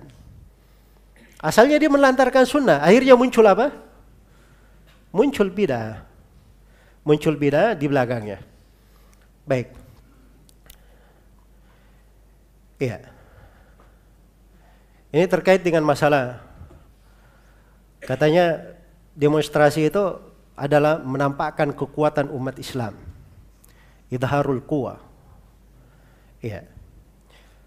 Dan ini juga pernah terjadi. Nabi Shallallahu Alaihi Wasallam itu beliau ketika haji, ya kan melakukan tawaf bersama para sahabatnya di haji di, di tawaf kudum.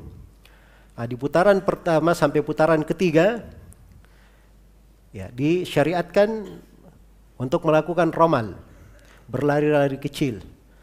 Ya, dan disebutkan alasannya supaya terlihat bahwa para sahabat ini kuat. Karena orang-orang musyrikin waktu itu lihatlah ini orang-orang dari Medina mereka sudah menjadi lemah karena tertimpa penyakit panas di kota Medina maka Nabi perintah para sahabat berlari-lari kecil menampilkan apa? Kekuatan. Ya itu sama demo seperti itu juga katanya. Ya ada-ada saja. Baik jadi ini istilah idharul kuwa itu beda ya kejadiannya. Ini Nabi Shallallahu Alaihi Wasallam yang memerintahnya. Ya, Nabi memerintahkannya. Dan itu bagian dari manasik haji ya, manasik umrah. Baik. Dan ini pernah terjadi juga ya di apa namanya dulu waktu laskar jihad itu. Ya. Ada yang pernah dengar laskar jihad? Ya. Jadi waktu melakukan demo-demo itu di Senayan waktu itu saya pas lagi di Saudi. Ya saya telepon. Maksudnya saya mau tegur kenapa bisa seperti itu? Ya katanya kamu pulang aja dulu nanti kamu kehabisan biaya lagi di situ. Akhirnya saya pulang saya tanyakan. Ya dalil mereka itu menampakkan kekuatan. Sama syubhatnya seperti itu. Jatuh di dalam kekeliruan hal-hal yang seperti ini yang apa? Yang mewarnai. Ya dan itu kemungkaran ya saya terangkan di sini hal itu supaya jangan ada yang memahami bahwa itu adalah hal yang saya benarkan atau kita membenarkannya. Itu adalah dari apa? Dari kemungkaran yang harus diperingatkan. Tidak ada di jalan ahli sunnah hal yang seperti itu. Ya wallahu taala alam. Baik, ini mungkin yang bisa saya sampaikan ya pada pertemuan kali ini. Mungkin ringkas dan masih banyak hal yang saya belum terangkan. Tapi mudah-mudahan apa yang kita jelaskan pada kesempatan ini ada manfaatnya untuk semuanya. Wallahu taala alam.